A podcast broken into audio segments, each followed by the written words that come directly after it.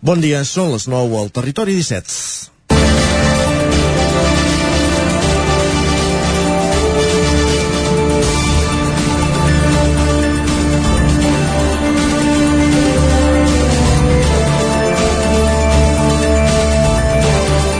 El govern la ribetana Núria Pau, dir, perdó, ha debutat avui a l'eslàlom gegant dels Jocs Olímpics d'hivern de Pequín amb una quarantena posició a la primera mànega.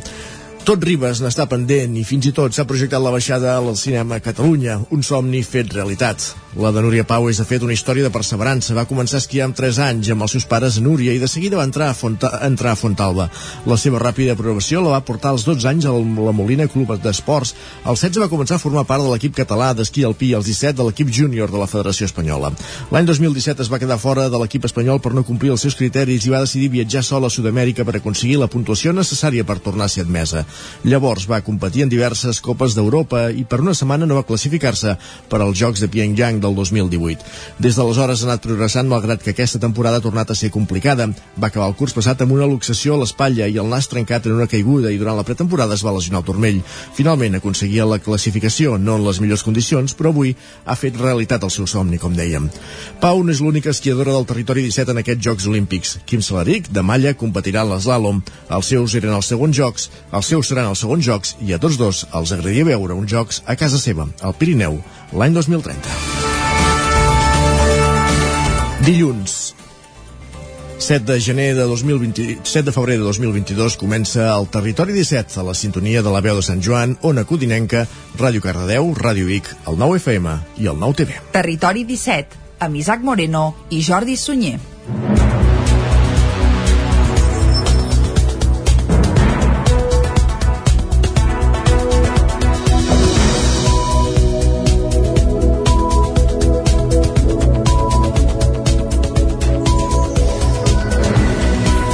Passen dos minuts de les 9 del matí d'avui dilluns, dia 7 de febrer, com bé deies, Isaac, de 2022.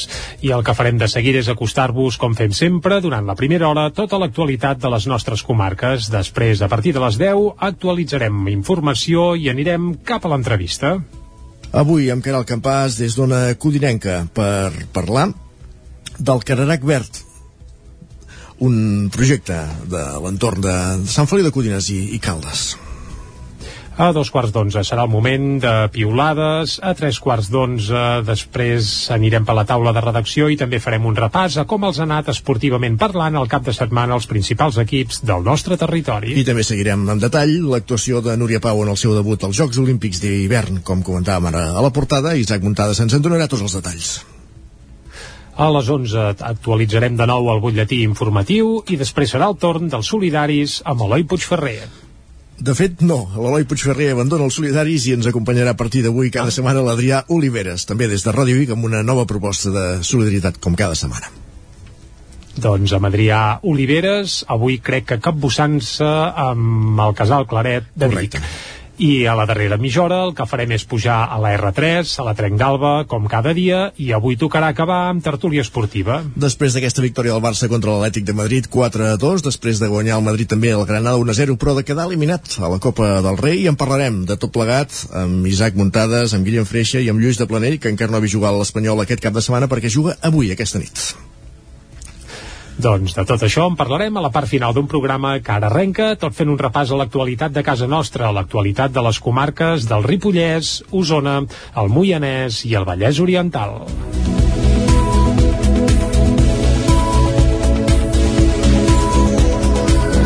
I a aquesta hora els expliquem que el govern espanyol aprovarà aquest dimarts l'eliminació de la mascareta obligatòria als espais exteriors, una mesura que serà efectiva a partir de dijous.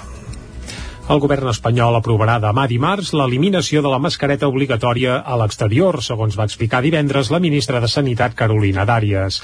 La previsió és que el decret que elimini l'obligatorietat es publiqui al butlletí oficial de l'Estat de dimecres i entri en vigor l'endemà dijous. Sanitat ha convocat per avui dilluns una reunió del Consell Interterritorial per tal de debatre aquesta decisió amb la resta de comunitats autònomes. Dàries va defensar que la mesura ha servit en la contenció de la sisena onada i ha justificat la decisió de treure-la per la millora dels indicadors. La decisió arribarà una setmana després que el Congrés convalidés la pròrroga de l'obligatorietat en una votació polèmica per incloure's en un decret amb altres mesures. Catalunya i altres comunitats ja van plantejar la retirada de la mascareta en exteriors en la inter interterritorial que es va fer dimecres passat. D'altra banda, Dàries també va avançar que el govern espanyol ha arribat a un acord amb la companyia AstraZeneca per la compra del seu medicament Evusheld, dirigit a aquelles persones immunodeprimides a qui les vacunes no els permeten assolir un bon grau de protecció. La previsió és que estigui disponible al llarg d'aquest mateix mes de febrer. Pel que fa a l'antiviral de Pfizer, va explicar que s'està a punt de finalitzar la part contractual i que es preveu que aviat també estigui disponible. Més qüestions. Continuen augmentant els municipis que recullen les escombraries amb el sistema de recollida porta a porta i aquesta setmana s'hi sumarà Sant Hipòlit de Voltregà. Els seus veïns i el de les masies de Voltregà, però, s'ho miren amb recel i temen que al no fer una implantació conjunta, els dos pobles, que en alguns punts converteixen vorera, es generi turisme de deixalles. Sant Hipòlit de Voltregà ja ha començat a repartir els 3.000 cubells de recollida selectiva que permetran al municipi iniciar el sistema porta a porta demà dimarts. El consistori feia dos anys que treballava per implementar la iniciativa, que ha tingut un cost de 60.000 euros finançats amb el romanent. El canvi de model ve motivat també per l'increment del cost de l'abocament de les deixalles a Urís. La recollida continuarà sent de quatre fraccions, però el consistori vol evitar tenir més contenidors que els del punt de recollida. Moisès Aguilar és el regidor de Medi Ambient de l'Ajuntament de Sant Hipòlit. Poder evitar repercutir aquest cost que va pujant sense aturador a la taxa que paguen els veïns i a les veïnes, doncs s'havia de prendre alguna mesura i el porta a porta a dia d'avui sembla que és el sistema de gestió de residus que permet fer una millor selecció per les fraccions que pertoquen. En aquest sentit, les persones que les, la tria del residu ja la portàvem fent d'una manera correcta eh, pensem que l'adaptació serà ràpida i aviat veuran que és un avantatge Sant Hipòlit inicia el nou sistema de recollida amb el recel de les masies de Voltregà, el nucli veí. Des de les masies estem que els veïns de Sant Hipòlit optin per fer servir els seus contenidors. Calculen que els pot suposar un increment del 60% del volum d'escombraries i és per això que en el proper ple aprovaran una nova sanció per de l'ordenança de civisme per la qual fixaran multes de fins a 750 euros a les persones que utilitzin els contenidors i que no siguin del municipi. Les masies també vol implantar el sistema, però esperarà el canvi canvi de l'empresa del Consell Comarcal per tal de baratir costos i es miren amb preocupació que la implantació no hagi sigut simultània als dos municipis. Des de Sant Hipòlit, però, confien que la comoditat del servei evitarà el turisme de deixalles. Escoltem per aquest ordre a Verònica Ruiz, alcaldessa de les Masies, i a, i a Gerard Sancho, alcalde de Sant Hipòlit. El turisme de residus, que és evident que hi és, en tots els municipis que fan el porta a porta, el municipi del costat té aquest problema, però amb el nostre cas creiem que serà molt més important perquè dintre del Voltreganès mm, sabem que hi ha carrers que una vorera és Masies de Voltregà i l'altra és Sant Hipòlit de Voltregà. Esperem que, que al final les facilitats que posem des de l'Ajuntament facin que sigui tan còmode eh, el nou sistema de recollida que, que al final tothom s'adapti de manera ràpida. Jo crec que el Consell Comarcal té molt clar i hi ha sensibilitat que si hi ha municipis que veuen perjudicats doncs es mirarà donar un cop de mà en aquest sentit de Voltregà confia arribar al 80% de recollida selectiva quan el sistema porti a porta es consolidi.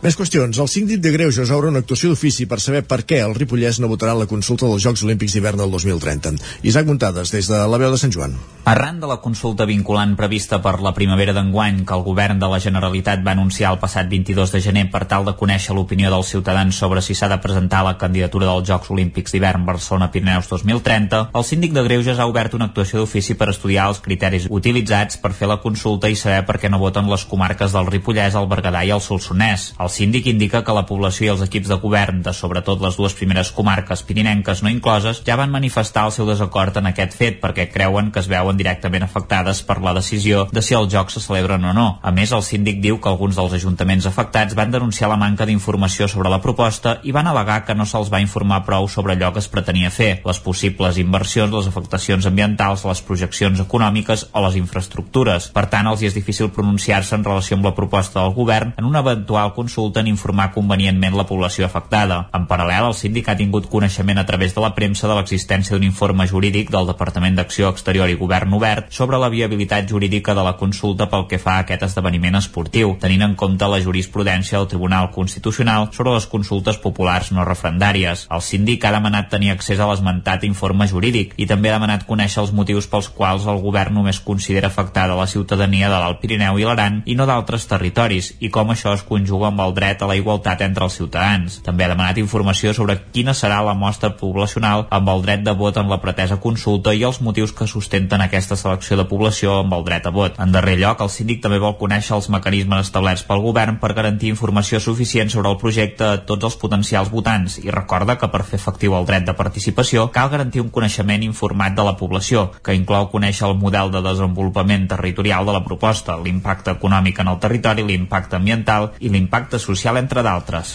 Gràcies, Isaac. Obrim ara pàgina cultural perquè la Biblioteca Municipal de Caldes de Montbui vol incentivar la participació en el voluntariat per la llengua amb una exposició.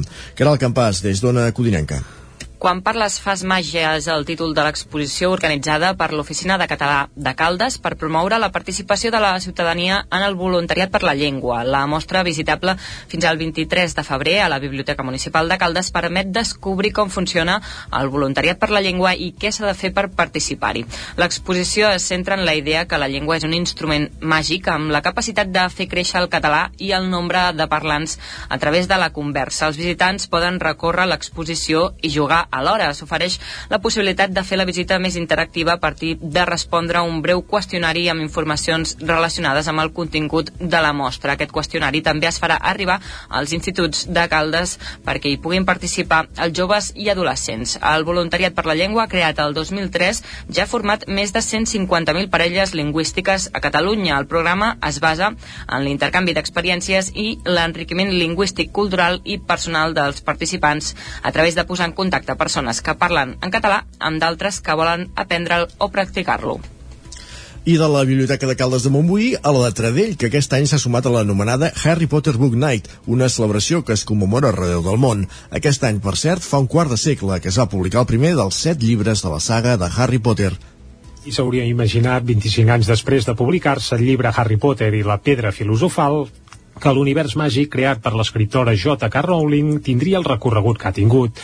La Biblioteca Antoni Pla de Vall de Taradell s'ha sumat aquest 2022 a la celebració de la Harry Potter Book Night, un esdeveniment que té lloc arreu del món i que dijous passat va plegar un grup de joves que van compartir una tarda de reptes, jocs i propostes d'allò més divertides per posar a prova els seus coneixements sobre bruixeria i màgia. Laia Miralpeix és bibliotecària de Taradell. Doncs hem fet diverses coses, una part de, de preguntes per saber una mica si s'han llegit el, els llibres, sobretot aquest any han quedat amb els 25 anys a la pedra filosofal, que ja que es, es commemora aquesta, aquesta efemèride, i llavors ho, el ser també un públic adolescent i jove i també petits, tot i que avui no ha sigut més adolescent, doncs també una mica de, de joc, no? Hem fet un partit de Quidditch, eh, els ensenyarem a, a fer una mica doncs, de com es fan servir les, les varetes màgiques, i una mica tot això doncs, per anar puntuant i per saber doncs, quines de les quatre residències és la, és la millor en aquest seu primer any a, a Hogwarts. Els set volums de la col·lecció de Harry Potter han estat traduïts a més de 80 idiomes, entre els quals el català, i han venut més de 500 milions d'exemplars arreu del món. Tot i això encara se segueixen demanant, consultant i devorant a les biblioteques com la de Taradell. De fet, s'han anat fent eh, edicions perquè són aquells llibres que ja estan doncs, eh, devorats no, per, per la gent i sí, sí, doncs és un llibre que encara va, va sortint força. Eh, també en anglès, se n'han fet amb versions, amb edicions en italià, doncs una mica de tot. La Harry Potter Book Night de Taradell es va completar a la nit amb una activitat virtual de preguntes a través d'Instagram i una exposició al vestíbul de la biblioteca amb llibres i altres elements característics de la saga Harry Potter. El primer llargmetratge de la cineasta de Malla Clara Roquet, Libertat, opta a 6 Premis Goya i a 11 Premis Gaudí. De tot plegat n'ha parlat la cineasta mallenca en una entrevista al Nou TV. Després de dos curtmetratges propis, El adiós i Les bones nenes, i d'haver treballat de, amb guionista en d'altres projectes, Roquet ha dirigit la seva primera pel·lícula, Libertat, on va acabar fusionant dues històries que havia creat per separat. D'una banda, la d'una noia de Colòmbia que arribava aquí i es retrobava amb la seva mare, que hi treballava de cuidadora després de 15 anys separades, i de l'altra una història que tenia de protagonista també una jove i la seva crisi familiar. Clara Roquet en parlava la setmana passada en una entrevista al programa Torn de Tarda del Nou TV. fins a aquell moment, en la infància, la vida que has tingut, el que t'ha vingut donat, no ho qüestiones. Dius, tothom deu ser així, no? La vida de, tot, de tothom és la, és la mateixa. I realment, quan que et comences a adonar que no és així, i, i amb la, aquesta presa de consciència et fa més, ser més agraït amb els propis privilegis, però també jo crec que et fa més conscient de les, dels canvis socials que s'han de fer perquè hi hagi certes coses que no siguin un privilegi Libertat retrata l'amistat d'aquestes dues noies i la presa de consciència de la protagonista, la Nora, sobre les classes socials i els seus propis privilegis. La història ha agradat i opta 11 Premis Gaudí i també a 6 Goya, un fet que pot ajudar a fer-la arribar al gran públic. Clara Roquet. Sobretot m'alegra molt perquè crec que farà que la pel·lícula arribi a moltes més pantalles i molta més gent que al final és el que més volem quan fem pel·lícules, no les fem per, perquè, perquè siguin vistes i els Gaudí tothom diu ai, però els Gaudí ja t'han nominat i ja, de fet ja ha guanyat els Gaudí però potser fa menys il·lusió i dic al contrari, o sigui, amb llibertat em fa encara més il·lusió la gala dels Premis Gaudí es farà el dia 6 de març a Barcelona. La dels Goi, en canvi, es farà abans, el 12 de febrer. Territori 17 Esports. I en pàgina esportiva us expliquem que ahir se celebrava, la, es recuperava la mitja de Granollers amb un rècord a la cursa femenina a càrrec de l'atleta la, Puriti Jamutei. En té més detalls. Des de Radio Televisió Cardedeu, Núria Lázaro. L'atleta Puriti Gemutai de Kènia ha aturat el cronòmetre en una hora 7 minuts i 18 segons, rebaixant en uns 3 minuts la millor marca que hi havia fins ara a la cursa. Per darrere d'ella ha quedat Esmalu Sintayeu d'Etiòpia amb una marca d'una hora 9 minuts i 35 segons i Naomi Michel d'Anglaterra amb una hora 13 minuts i 10 segons. Han completat les 5 primeres posicions dues angleses més Lucy Reid i Chloe Richardson amb una hora 13 minuts i 49 segons i amb una hora 15 minuts i 21 segons respectivament. En categoria masculina, tot i la presència d'atletes amb marques per sota d'una hora, no s'ha pogut baixar d'aquest temps i encara menys superar el rècord històric de la cursa. El guanyador ha estat Mike Boyd de Kènia amb una hora 0 minuts i 40 segons. Han completat el podi els etíops Antenaye Dagnachev, segon, a 21 segons del primer classificat, i de Beluede amb una hora 3 minuts i 51 segons. Uns 4.000 atletes han disputat les proves d'aquest diumenge, la cursa llarga de 21 quilòmetres amb recorregut de pujada fins a la plaça de l'Església de la Garriga i baixada per l'antiga N112 cap a Llarona i Corró de Vall. La línia de meta estava al costat del Palau d'Esports de Granollers. Entre els participants de la prova hi havia Salvador Illa, cap del grup parlamentari del PSC i veí de la Roca. Doncs amb l'imatge de Salvador Illa corrent la mitja marató arribem al final d'aquest repàs informatiu que començàvem a les 9 en companyia de Jordi Sunyer, Núria Lázaro, Caral Campàs i Isaac Muntades. Moment ara de conèixer la previsió meteorològica. Casa Terradellos us ofereix el temps. I conèixer la previsió meteorològica a Territori 17 vol dir parlar amb en Pep Acosta. Aquí ja saludem. Bon dia, Pep. Hola, molt bon dia. I molt bona hora. Comença una nova setmana. I tant. Què tal esteu? Espero que hagi anat molt bé el cap de setmana. Sí. Aquí estem amb moltes ganes de començar-la.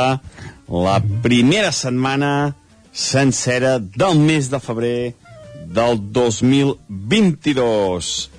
Meteorològicament parlant, ho fem després de un cap de setmana, un altre cap de setmana, Uh, novament bastant pla pel que fa al temps uh, ja vaig dir uh, que poder caurien quatre gotes a la zona prelitoral dissabte uh, jo m'esperava una mica més eh? uh, saps què vull dir? sabeu què vull dir? allò que t'esperes una mica més del que pugui passar eh? de vegades t'emportes uns bons uh, uns bons disgustos eh, quan t'esperes més del que ha de ser doncs jo això, eh, també m'esperava una mica més d'aquest dissabte una mica més que quatre gotes i es van complir les previsions però per la part de baix eh? no per la part de dalt sinó per la part de baix perquè no van caure quatre gotes van caure dues i mitja o tres a tot estirar a prop del Montseny, a un llocs un litre, mig litre,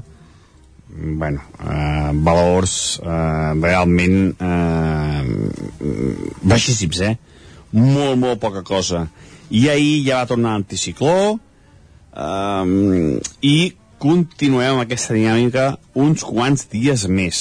Eh, avui ens passa un petit front, bueno, és, és, és, és encara més petit que el que hem tingut el cap de setmana, el dissabte, per tant, imagineu si serà poca cosa, només afectarà una mica a la zona més nord del Pirineu, a la cana del Pirineu, però les comarques mm, és que no, no es deixarà ni sentir gaire aquest front. Uh, tot això amb unes temperatures baixes, uh, no molt fredes tampoc, uh, només glaçades a les zones més enclotades, a les nostres comarques, i amb unes temperatures màximes que voltaran entre els 15, 16, 17 graus a tot estirar. Temperatures força normals per l'època de l'any, força suaus, no farà molt de fred, tampoc farà molta suavitat. Un dia, per tant, molt tranquil, torna l'anticicló i no tindrem grans, grans novetats, almenys fins divendres o dissabte, que apunta que per fi podíem moure's bastant, bastant la situació. Veurem, veurem què acaba passant, perquè ja no... Ja no jo, jo ja no m'espero res, eh?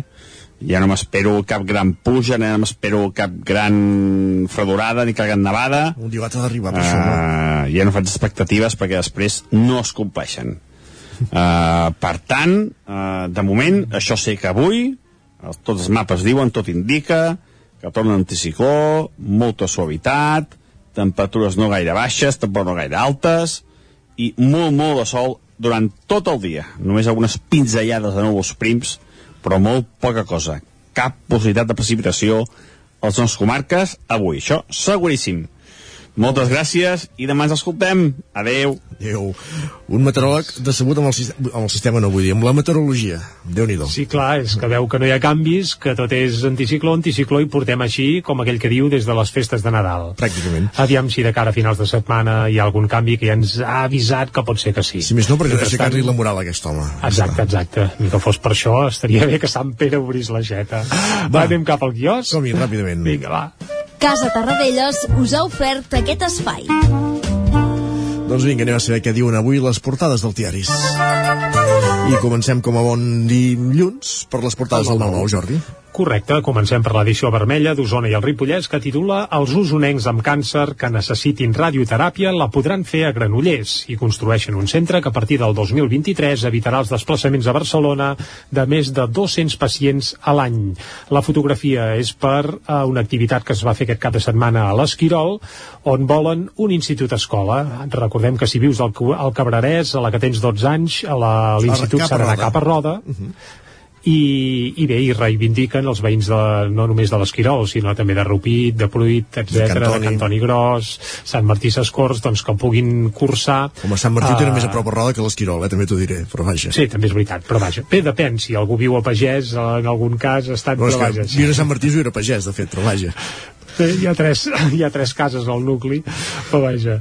Més coses que apareixen. La benzina a màxims històrics i un tonenc que somia anar a l'espai. Dani Sors és enginyer aeroespacial i es veu que vol anar a la Lluna o a Mart. I això ho explica el 9-9 d'Osona i el Ripollès. Molt bé. Anem cap al Vallès. Va, titular principal per la canyana Puriti Gemutai, que bat el rècord femení de la mitja marató que es va fer aquest passat cap de setmana. Uns 4.000 atletes participen a la cursa que va guanyar Mike Boyd amb una marca d'una hora i 40 segons. També apareix Salvador Cristau, que pren possessió com a bisbe de Terrassa. Recordem que el Vallès Oriental no és del bisbat de Vic, sinó del bisbat de Terrassa, que es va crear el 2004, quan hi va haver aquella segregació i es va crear aquesta nova diòcesi. Anem cap a les portades d'àmbit nacional. Jo, ara tornant a la mitja de Granollers, eh, em quedo amb sí. el, el detall que explicava la Núria Lázaro que va participar en Salvador Illa. En sí, fi... no diu que, que va quedar, eh? No. Ni el temps que va fer. Haurem d'investigar això. Oh, podem buscar-ho. No sé si el, abans del 9-9 sortien totes les classificacions. Ho buscarem. Ah, és veritat. Doncs va, Va, i pararem, i pararem l'orella i la vista. Anem cap a les portades d'àmbit nacional i comencem pel punt avui que titula Foc nou. Els experts insisteixen que cal un canvi en el model econòmic per a la prevenció dels grans incendis. Aquest foc nou fan referència, evidentment, a incendis forestals i des del punt avui avisen que l'actual episodi de sequera, fruit del canvi climàtic, fa tema un estiu amb grans incendis forestals. Per tant, caldrà anar en compte. També apareix a la portada que el Barça s'imposa a l'Atlético 4 a 2. Gran partit el que es va Pots, veure pots repetir els resultats? A la tarda, 4 a 2, Ah, molt bé, molt 4 a 2, a 2, a 2, sí, sí. Eh, I la veritat és que ahir els que el vam seguir va ser divertit i tot. Anem a l'ara. Els bancs ja es preparen per a pujar les hipoteques. Si no els hi costa gaire, si s'han de pujar es preparen de seguida. I Com que no han guanyat prou Barça... diners aquest any, va, en fi, com, Eh? com que no han guanyat prou diners aquest any, Clar, deu ser això, deu ser això. El Barça suma més que un triomf. Uh, i es veu a la fotografia Dani Alves abraçant-se a Jordi Alba i a Araujo. I també, on són els originals de Stipi i Zape? Els hereus dels dibuixants històrics del còmic català de Bruguera reclamen el seu llegat. Es veu que s'han perdut els originals. Carai. Més coses, anem cap al periòdico. El batxillerat català serà per competències. El sistema ja introduït a infantil, primària i ESO arribarà al curs vinent a l'educació secundària no obligatòria. També apareix que Esquerra Republicana ja busca internament plans B a la taula de diàleg amb el govern, això segons el periòdico. I també Xavi recupera la millor versió del Barça en una victòria volcànica contra l'Atlètic. Volcànica, eh? Es nota que ara a la Palma ja estan apagats els volcans i es poden fer servir metàfores Volcàniques. sense... Sí. l'erupció del Barça, vaja. Exacte, anem a l'avantguàrdia. La llarga sequera consumeix les reserves d'aigua dels embassaments.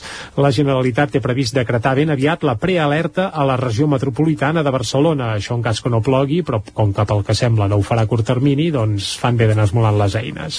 La fotografia pel Barça, i diuen el Barça torna a ser de Champions. També la votació de la reforma laboral impregna la campanya a Castella i Lleó. Això a la portada de l'avantguàrdia. Tenim 30 segons. Si vols Vinga, fent un titular de cadascuna de les portades de Madrid, Jordi. Va, el país, el PP dependrà de Vox per governar a Castella i Lleó. La Razón, el PP aconsegueix entre 34 i 37 escons i el PSOE baixa a 26-28, això segons una enquesta que han fet ells. I el Mundo, els Borons demanen un revulsiu. Calçado ha de portar més. I l'ABC, el PP s'allunya de la majoria absoluta i necessitarà a Vox. Doncs queda dit, són els titulars dels diaris que avui podem trobar al quiosc. Nosaltres, al Territori 17, el que fem ara és una pausa, però tornem amb més actualitat, amb més notícies a partir de dos quarts de deu en punt, aquí, a la vostra sintonia, la sintonia del Territori 17. Fins ara mateix.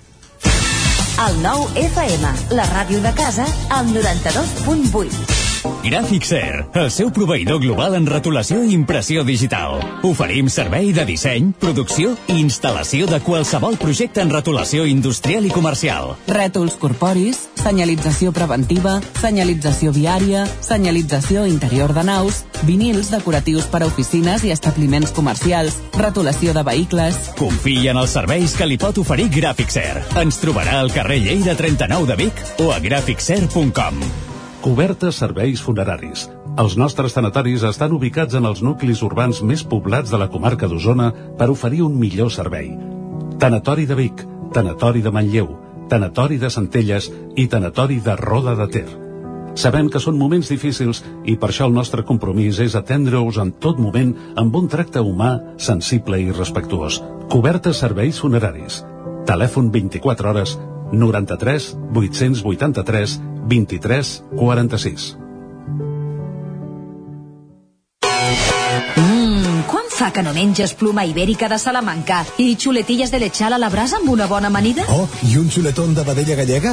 O lechazo de Castilla al forn? Ah, i botillo del Bierzo amb catxelos i col? Ei, i cochinillo a l'estil de Segovia, i tot acompanyat d'un bon celler. Oh, i uns bons serranitos de pollastre, de llom, d'hamburguesa, del que tu vulguis. Per menjar la millor cuina de Lleó sense moure't de casa, vine a El Racó de León. Fem cuina tradicional lleonesa i de mercat. Vine amb la família, amb els amics, amb la parella o sol.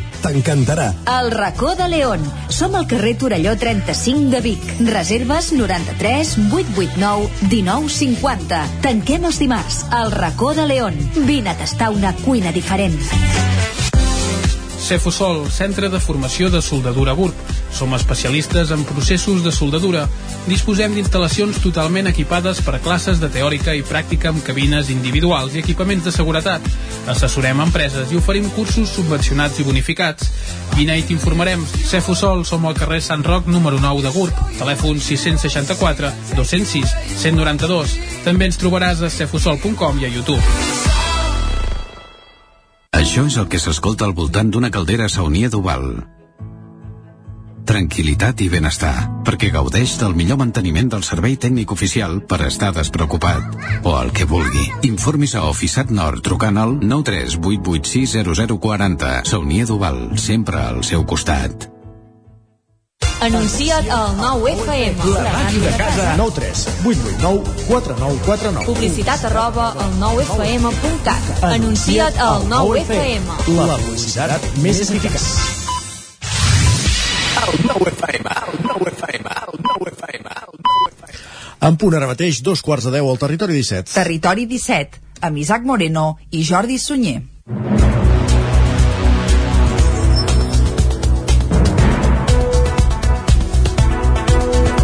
Dos quarts de deu en punt, el que toca de seguida és acostar-vos de nou tota l'actualitat de casa nostra, però abans ja us avancem una mica tot el que farem fins al punt de les 12 del migdia, que és fins quan us farem companyia, com cada dia. Abans de les 10 hi posarem una mica de música, avui amb un grup que podríem considerar mig de territori 17, eh? Uh, ja avancem qui és, va, Itaca Van. Sembla que siguin de Montcada i Reixac, Isaac, però també són mig usonencs, ho descobrirem de seguida. Imagina't, soc molt profà amb el teva, no sabia ni que fossin de Montcada, ves per on. Doncs vinga, i tornen, tornen amb un nou disc i avui escoltarem un primer avançament d'aquest disc que es publicaran el 4 de març. A les 10 uh, actualitzarem butlletí informatiu i tot seguit anirem cap a l'entrevista. Exacte, avui amb Caral Campàs des d'una codonenca i parlarem amb Cararec Verd, una entitat ecologista que es va crear, crear a Caldes de Montbui l'any 2019 per denunciar els abocaments de terres impròpies a la zona del Cararec. A dos quarts d'onze. Cararec, perdó. A dos quarts d'onze arribarà en Guillem Sánchez i farem un cop d'ull a Twitter. Passarem després per la taula de redacció i tot seguit parlarem d'esports. Avui, com sempre, com cada dilluns, repassant el més destacat dels equips de casa nostra, de les nostres comarques, en connexió amb les diferents emissores del territori 17 i pendents d'aquest debut als Jocs Olímpics d'hivern de Núria Pau per part d'Isaac Muntades des de la veu de Sant Joan. A les 11, més notícies i tot seguit serà el torn dels solidaris. Com deies avui, endinsant-nos al casal Claret i en companyia de l'Adrià Oliveres, que debuta en aquesta secció des de Ràdio Vic prenent el relleu a l'Eloi Puigferrer. A dos quarts de dotze serà el moment de pujar a la R3, a la Trenc d'Alba, i com tots els dilluns, el que farem és acabar fent la patà d'esports. A la tertúlia esportiva, repassant els resultats del cap de setmana a la Lliga, per exemple, la victòria del Barça contra l'Atlético 4-2, la victòria 4-2, del Madrid 4-2. contra la Granada, sí senyor, i 1-0, eh? i no ens emocionem i l'Espanyol pendent del partit que jugarà aquesta nit i en parlarem amb Lluís de Planell amb Isaac Muntades i amb Guillem Freixa Tot això ho farem a la part final d'un programa que ara segueix acostant-vos, com fem sempre, l'actualitat de casa nostra, l'actualitat de les comarques del Vallès Oriental, el Moianès, Osona i el Ripollès. I a aquesta hora els expliquem que el govern espanyol aprovarà aquest dimarts l'eliminació de la mascareta obligatòria als espais exteriors, una mesura que serà efectiva a partir de dijous. El govern espanyol aprovarà demà dimarts l'eliminació de la mascareta obligatòria a l'exterior, segons va explicar divendres la ministra de Sanitat Carolina Dàries. La previsió és que el decret que elimini l'obli- l'obligatorietat es publiqui al butlletí oficial de l'Estat de dimecres i entri en vigor l'endemà dijous. Sanitat ha convocat per avui dilluns una reunió del Consell Interterritorial per tal de debatre aquesta decisió amb la resta de comunitats autònomes. Dàries va defensar que la mesura ha servit en la contenció de la sisena onada i ha justificat la decisió de treure-la per la millora dels indicadors. La decisió arribarà una setmana després que el Congrés convalidés la pròrroga de l'obli- de l'obligatorietat en una votació polèmica per incloure's en un decret amb altres mesures. Catalunya i altres comunitats ja van plantejar la retirada de la mascareta en exteriors en la inter ter- interterritorial que es va fer dimecres passat. D'altra banda, Dàries també va avançar que el govern espanyol ha arribat a un acord amb la companyia AstraZeneca per la compra del seu medicament Evusheld, dirigit a aquelles persones immunodeprimides a qui les vacunes no els permeten assolir un bon grau de protecció. La previsió és que estigui disponible al llarg d'aquest mateix mes de febrer. Pel que fa a l'antiviral de Pfizer, va explicar que s'està a punt de finalitzar la part contractual i que es preveu que aviat també estigui disponible. Més qüestions. Continuen augmentant els municipis que recullen les escombraries amb el sistema de recollida porta a porta i aquesta setmana s'hi sumarà Sant Hipòlit de Voltregà. Els seus veïns i el de les masies de Voltregà, però, s'ho miren amb recel i temen que al no fer una implantació conjunta, els dos pobles, que en alguns punts converteixen vorera, es generi turisme de deixalles. Sant Hipòlit de Voltregà ja ha començat a repartir els 3.000 cubells de recollida selectiva que permetran al municipi iniciar el sistema porta a porta demà dimarts. El consistori feia dos anys que treballava per implementar la iniciativa que ha tingut un cost de 60.000 euros finançats amb el romanent. El canvi de model ve motivat també per l'increment del cost de l'abocament de les deixalles a Orís.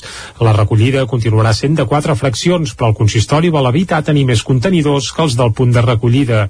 Moisès Aguilar és el regidor de Medi Ambient de l'Ajuntament de Sant Hipòlit. Poder evitar repercutir aquest cost que va pujant sense aturador a la taxa que paguen els veïns i a les veïnes doncs s'havia de prendre alguna mesura i el porta a porta a dia d'avui sembla que és el sistema de gestió de residus que permet fer una millor selecció per les fraccions que pertoquen. En aquest sentit, les persones que les, la tria del residu ja la portàvem fent d'una manera correcta eh, pensem que l'adaptació serà ràpida i aviat veuran que és un avantatge Sant Hipòlit inicia el nou sistema de recollida amb el recel de les masies de Voltregà, el nucli veí. Des de les masies estem que els veïns de Sant Hipòlit optin per fer servir els seus contenidors. Calculen que els pot suposar un increment del 60% del volum d'escombraries i és per això que en el proper ple aprovaran una nova sanció per de l'ordenança de civisme per la qual fixaran multes de fins a 750 euros a les persones que utilitzin els contenidors i que no siguin del municipi. Les masies també vol implantar el sistema però esperarà el canvi canvi de l'empresa del Consell Comarcal per tal de baratir costos i es miren amb preocupació que la implantació no hagi sigut simultània als dos municipis. Des de Sant Hipòlit, però, confien que la comoditat del servei evitarà el turisme de deixalles. Escoltem per aquest ordre a Verònica Ruiz, alcaldessa de les Masies, i a, i a Gerard Sancho, alcalde de Sant Hipòlit. El turisme de residus que és evident que hi és en tots els municipis que fan el porta a porta, el municipi del costat té aquest problema però amb el nostre CRAS creiem que serà molt més important perquè dintre del Voltreganès mm, sabem que hi ha carrers que una vorera és Masies de Voltregà i l'altra és Sant Hipòlit de Voltregà. Esperem que, que al final les facilitats que posem des de l'Ajuntament facin que sigui tan còmode eh, el nou sistema de recollida que, que al final tothom s'adapti de manera ràpida. Jo crec que el Consell Comarcal té molt clar i hi ha sensibilitat que si hi ha municipis que són perjudicats doncs es mirarà donar un cop de mà en aquest sentit de Voltregà confia arribar al 80% de recollida selectiva quan el sistema porti a porta es consolidi. Més qüestions. El síndic de Greuges obre una actuació d'ofici per saber per què el Ripollès no votarà la consulta dels Jocs Olímpics d'hivern del 2030. Isaac Muntades, des de la veu de Sant Joan.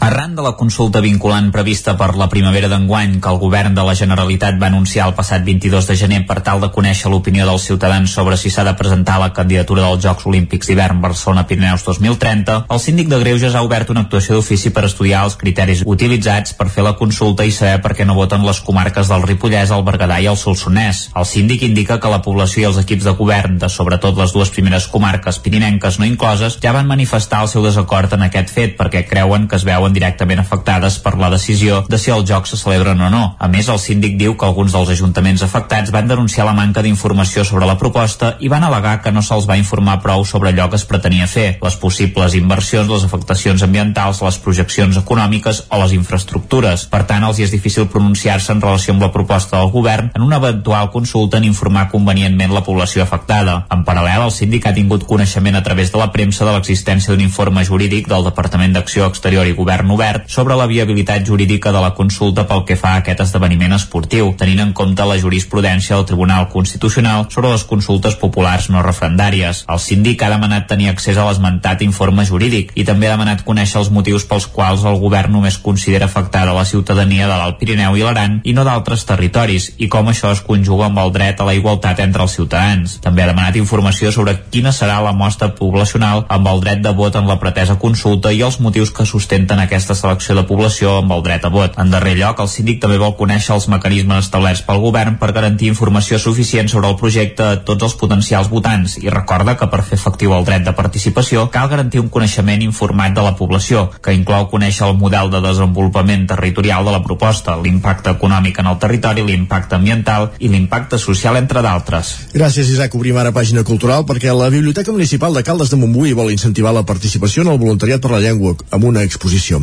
Caral Campàs, des d'Ona Codinenca. Quan parles fas màgia és el títol de l'exposició organitzada per l'Oficina de Català de Caldes per promoure la participació de la ciutadania en el voluntariat per la llengua. La mostra visitable fins al 23 de febrer a la Biblioteca Municipal de Caldes permet descobrir com funciona el voluntariat per la llengua i què s'ha de fer per participar-hi. L'exposició es centra en la idea que la llengua és un instrument màgic amb la capacitat de fer créixer el català i el nombre de parlants a través de la conversa. Els visitants poden recórrer l'exposició i jugar alhora s'ofereix la possibilitat de fer la visita més interactiva a partir de respondre a un breu qüestionari amb informacions relacionades amb el contingut de la mostra. Aquest qüestionari també es farà arribar als instituts de Caldes perquè hi puguin participar els joves i adolescents. El voluntariat per la llengua, creat el 2003, ja ha format més de 150.000 parelles lingüístiques a Catalunya. El programa es basa en l'intercanvi d'experiències i l'enriquiment lingüístic, cultural i personal dels participants a través de posar en contacte persones que parlen en català amb d'altres que volen aprendre'l o practicar-lo. I de la Biblioteca de Caldes de Montbui a la de Tradell, que aquest any s'ha sumat a l'anomenada Harry Potter Book Night, una celebració que es commemora arreu del món. Aquest any, per cert, fa un quart de segle que es va publicar el primer dels set llibres de la saga de Harry Potter. I s'hauria imaginat 25 anys després de publicar-se el llibre Harry Potter i la pedra filosofal que l'univers màgic creat per l'escriptora J.K. Rowling tindria el recorregut que ha tingut. La Biblioteca Antoni Pla de Vall de Taradell s'ha sumat aquest 2022 a la celebració de la Harry Potter Book Night, un esdeveniment que té lloc arreu del món i que dijous passat va plegar un grup de joves que van compartir una tarda de reptes, jocs i propostes d'allò més divertides per posar a prova els seus coneixements sobre bruixeria i màgia. Laia Miralpeix és bibliotecària de Taradell.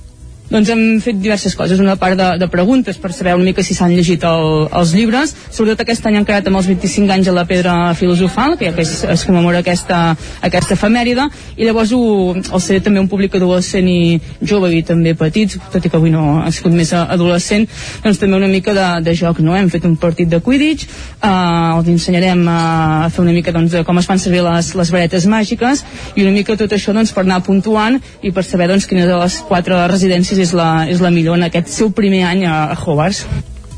Els set volums de la col·lecció de Harry Potter han estat traduïts a més de 80 idiomes, entre els quals el català, i han venut més de 500 milions d'exemplars arreu del món. Tot i això encara se segueixen demanant, consultant i devorant a les biblioteques com la de Taradell. De fet, s'han anat fent uh, edicions perquè són aquells llibres que ja estan doncs, uh, devorats no, per, per la gent i sí, sí, doncs és un llibre que encara va, va sortint força. Uh, també en anglès, se n'han fet amb versions, amb edicions en italià, doncs una mica de tot. La Harry Potter Book Night de Taradell es va completar a la nit amb una activitat virtual de preguntes a través d'Instagram i una exposició al vestíbul de la biblioteca amb llibres i altres elements característics de la saga Harry Potter. El primer llargmetratge de la cineasta de Malla Clara Roquet, Libertat, opta a 6 Premis Goya i a 11 Premis Gaudí. De tot plegat n'ha parlat la cineasta mallenca en una entrevista al Nou TV. Després de dos curtmetratges propis, El adiós i Les bones nenes, i d'haver treballat de, amb guionista en d'altres projectes, Roquet ha dirigit la seva primera pel·lícula, Libertat, on va acabar fusionant dues històries que havia creat per separat. D'una banda, la d'una noia de Colòmbia que arribava aquí i es retrobava amb la seva mare, que hi treballava de cuidadora després de 15 anys separades, i de l'altra una història que tenia de protagonista també una jove i la seva crisi familiar. Clara Roquet en parlava la setmana passada en una entrevista al programa Torn de Tarda del Nou TV. Fins a aquell moment, en la infància, la vida que has tingut, el que t'ha vingut donat, no ho qüestiones. Dius, tothom deu ser així, no? La vida de, tot, de tothom és la, és la mateixa. I realment, quan que et comences a donar que no és així, i, i amb la, aquesta presa de consciència et fa més, ser més agraït amb els propis privilegis, però també jo crec que et fa més conscient de les, dels canvis socials que han de fer perquè hi hagi certes coses que no siguin un privilegi Libertat retrata l'amistat d'aquestes dues noies i la presa de consciència de la protagonista, la Nora, sobre les classes socials i els seus propis privilegis. La història ha agradat i opta a 11 Premis Gaudí i també a 6 Goya, un fet que pot ajudar a fer-la arribar al gran públic. Clara Roquet. Sobretot m'alegra molt perquè crec que farà que la pel·lícula arribi a moltes més pantalles i molta més gent que al final és el que més volem quan fem pel·lícules, no les perquè, perquè siguin vistes i els Gaudí tothom diu ai però els Gaudí ja t'han nominat i ja, de fet ja ha guanyat els Gaudí però potser fa menys il·lusió i dic al contrari, o sigui, amb llibertat em fa encara més il·lusió la gala dels Premis Gaudí es farà el dia 6 de març a Barcelona. La dels Goi, en canvi, es farà abans, el 12 de febrer. Territori 17 Esports. I en pàgina esportiva us expliquem que ahir se celebrava la, es recuperava la mitja de Granollers amb un rècord a la cursa femenina a càrrec de l'atleta la, Purity Jamutei. En té més detalls. Des de Retrovisió Cardeu, Núria Lázaro. L'atleta Puriti Gemutai de Kènia ha aturat el cronòmetre en una hora 7 minuts i 18 segons, rebaixant en uns 3 minuts la millor marca que hi havia fins ara a la cursa. Per darrere d'ella ha quedat Ezmalu Sintayeu d'Etiòpia amb una marca d'una hora 9 minuts i 35 segons i Naomi Michel d'Anglaterra amb una hora 13 minuts i 10 segons. Han completat les 5 primeres posicions dues angleses més Lucy Reid i Chloe Richardson amb una hora 13 minuts i 49 segons i amb una hora 15 minuts i 21 segons respectivament. En categoria masculina, tot i la presència d'atletes amb marques per sota d'una hora, no s'ha pogut baixar d'aquest temps i encara menys superar el rècord històric de la cursa. El guanyador ha estat Mike Boyd de Kènia amb una hora 0 minuts i 40 segons. Han completat el podi els etíops Antenaye Daknachev, segon, a 21 segons del primer classificat, i de Beluede amb una hora 3 minuts i 51 segons. Uns 4.000 atletes han disputat les proves d'aquest diumenge, la cursa llarga de 21 quilòmetres amb recorregut de pujada fins a la plaça de l'Església a la Garriga i baixada per l'antiga N112 cap a Llarona i Corró de Vall. La línia de meta estava al costat del Palau d'Esports de Granollers. Entre els participants de la prova hi havia Salvador Illa, cap del grup parlamentari del PSC i veí de la Roca.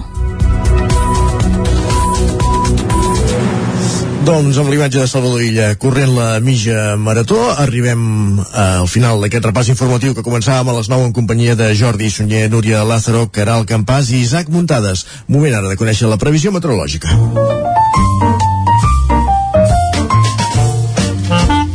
Casa Terradellos us ofereix el temps. I conèixer la previsió meteorològica a Territori 17 vol dir parlar amb en Pep Acosta. Aquí ja saludem. Bon dia, Pep. Hola, molt bon dia. I molt bona hora. Comença una nova setmana. I tant. Què tal esteu? Espero que hagi anat molt bé el cap de setmana. Sí. Aquí estem amb moltes ganes de començar-la. La primera setmana sencera del mes de febrer del 2022.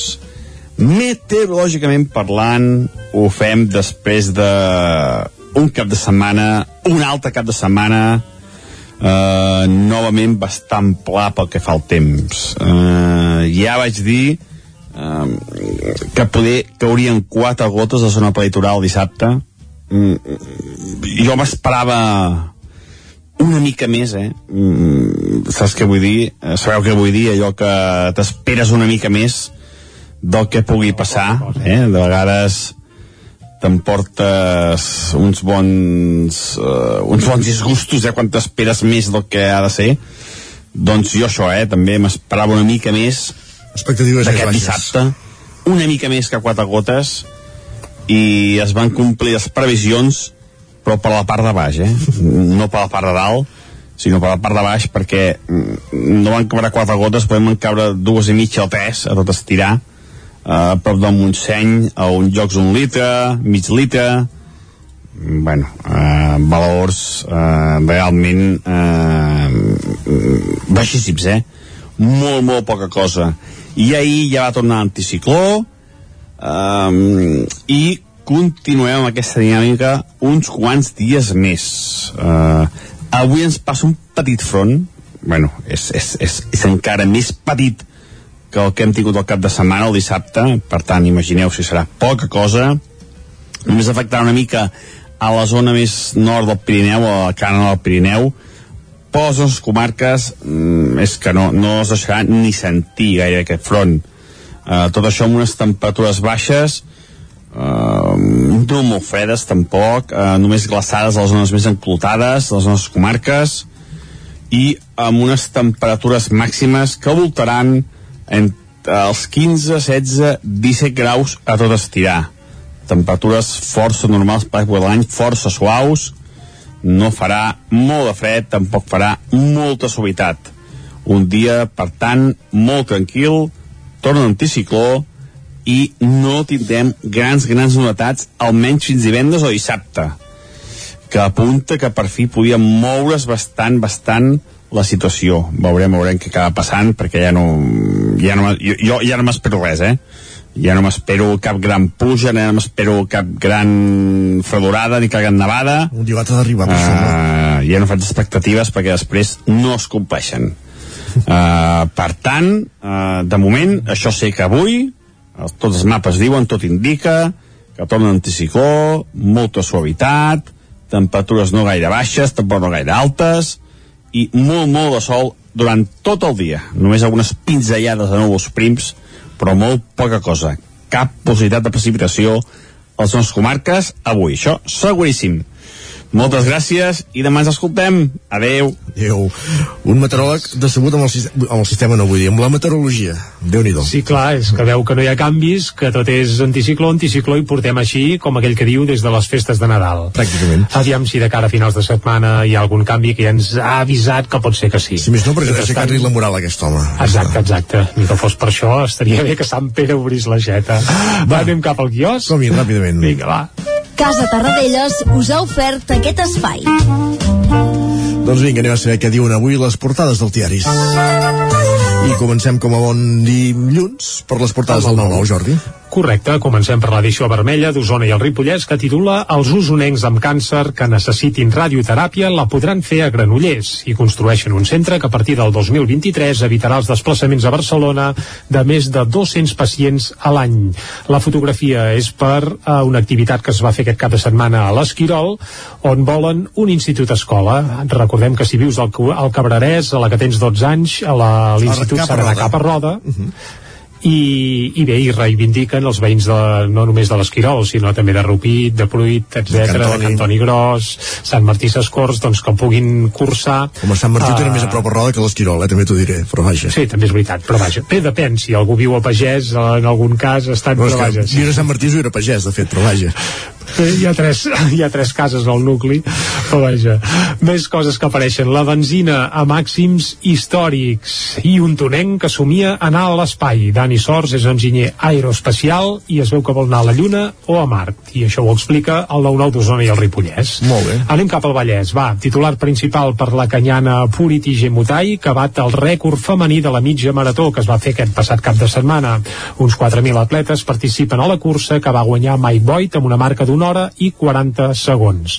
També apareix Salvador Cristau, que pren possessió com a bisbe de Terrassa. Recordem que el Vallès Oriental no és del bisbat de Vic, sinó del bisbat de Terrassa, que es va crear el 2004 quan hi va haver aquella segregació i es va crear aquesta nova diòcesi. Anem cap a les portades d'àmbit nacional. Jo, ara tornant a la mitja de Granollers, em quedo amb sí. el, el, detall que explicava la Núria Lázaro que va participar en Salvador Illa. En sí, fi... diu que, que va quedar, eh? No. Ni el temps que va fer. Haurem d'investigar això. Mm. Oh, podem buscar-ho. No sé si el, el, abans del 9-9 sortien totes les classificacions. Ho buscarem. Ah, és veritat. Doncs va, Va i pararem, i pararem l'orella i la vista. Anem cap a les portades d'àmbit nacional i comencem pel punt avui que titula Foc nou. Els experts insisteixen que cal un canvi en el model econòmic per a la prevenció dels grans incendis. Aquest foc nou fan referència, evidentment, a incendis forestals i des del punt avui avisen que l'actual episodi de sequera, fruit del canvi climàtic, fa tema un estiu amb grans incendis forestals. Per tant, caldrà anar en compte. També apareix a la portada que el Barça Barça s'imposa a l'Atlético 4 a 2. Gran partit el que es va veure ahir. repetir els resultats? A la tarda, 4 a 2. Ah, 4 a 2. A 2 a 2, sí, sí. Eh, I la veritat és que ahir els que el vam seguir va ser divertit i tot. Anem a l'ara. Els bancs ja es preparen per a pujar les hipoteques. Sí, no els hi costa gaire. Si s'han de pujar, es preparen de seguida. I com que no han guanyat prou diners aquest any va, en fi, com, eh? com que no han guanyat prou diners aquest any. Clar, deu ser això, deu ser això. El Barça suma més que un triomf. Uh, i es veu a la fotografia Dani Alves abraçant-se a Jordi Alba i a Araujo. I també, on són els originals de Stipi i Zape? Els hereus dels dibuixants històrics del còmic català de Bruguera reclamen el seu llegat. Es veu que s'han perdut els originals. Carai Més coses, anem cap al periòdico. El batxillerat català serà per competències. El sistema ja introduït a infantil, primària i ESO arribarà al curs vinent a l'educació secundària no obligatòria. També apareix que Esquerra Republicana ja busca internament plans B a la taula de diàleg amb el govern, això segons el periòdico. I també Xavi recupera la millor versió del Barça en una victòria volcànica contra l'Atlètic. Volcànica, eh? Es nota que ara a la Palma ja estan apagats els volcans i sí. es poden fer servir metàfores sense... Sí. L'erupció del Barça, vaja. Exacte, anem a l'avantguàrdia. La llarga sequera consumeix les reserves d'aigua dels embassaments. La Generalitat té previst decretar ben aviat la prealerta a la regió metropolitana de Barcelona. Això en cas que no plogui, però com que pel que sembla no ho farà a curt termini, doncs fan bé d'anar esmolant les eines. La fotografia pel Barça, i diuen el Barça torna a ser de Champions. També la votació de la reforma laboral impregna la campanya Castella i Lleó.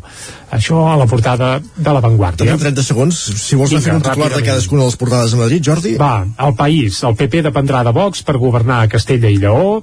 La Razón, el PP aconsegueix entre 34 i 37 escons i el PSOE baixa a 26-28, això segons una enquesta que han fet ells. I el Mundo, els Borons demanen un revulsiu. Calçado ha de portar més. I l'ABC, el PP s'allunya de la majoria absoluta i necessitarà a Vox. El PP s'allunya de la majoria absoluta, quin greu, eh? Sí, molt bé. uh, Posem-hi música. Aquestes enquestes, per això, sempre diuen el mateix, no? En fi, vaja. Uh, Posem-hi música, Bé, ja és, ho hem dit moltes vegades, digue'm qui fa i qui publica l'enquesta ja et dirà cap on escombra i de quin peu calça que- el que- resultat. Que es necessitin l'un a l'altre ja és evident i de fet sempre és el que conclouen. Per tant, Clar. Poca novetat. En fi, anem a posar-hi música, com dèiem. Sí, va, ara, ara posem-hi música i avui escoltarem el més nou dit acabant, aquesta formació de Montcada i Reixac, que, atenció, té mm, moltes connotacions i lligams amb Osona. Per què? Doncs perquè el seu cantant viu a Espinelves, algun altre músic crec que també hi passa, bueno, hi fa estades sovint en una masia que hi ha penjada per allà, i a més a més, a la darrera gira van fitxar un teclista de Centelles, Luc Vilamala, que a més a més havia format part de bandes com Bonobo, Espalat i Pelut, doncs ara el tenim integrat a Mitacabant. I Itacabant aquest any tornaran amb un nou disc que es publicarà el proper 4 de març i ara n'avançarem a un single, és de la cançó Com una bala i és tot un tro, eh? I si et sembla amb això, Isaac, arribarem fins al punt de les 10 aquí a Territori 17. Doncs som-hi, i t'acabant. Doncs vinga, i t'acabant com una bala.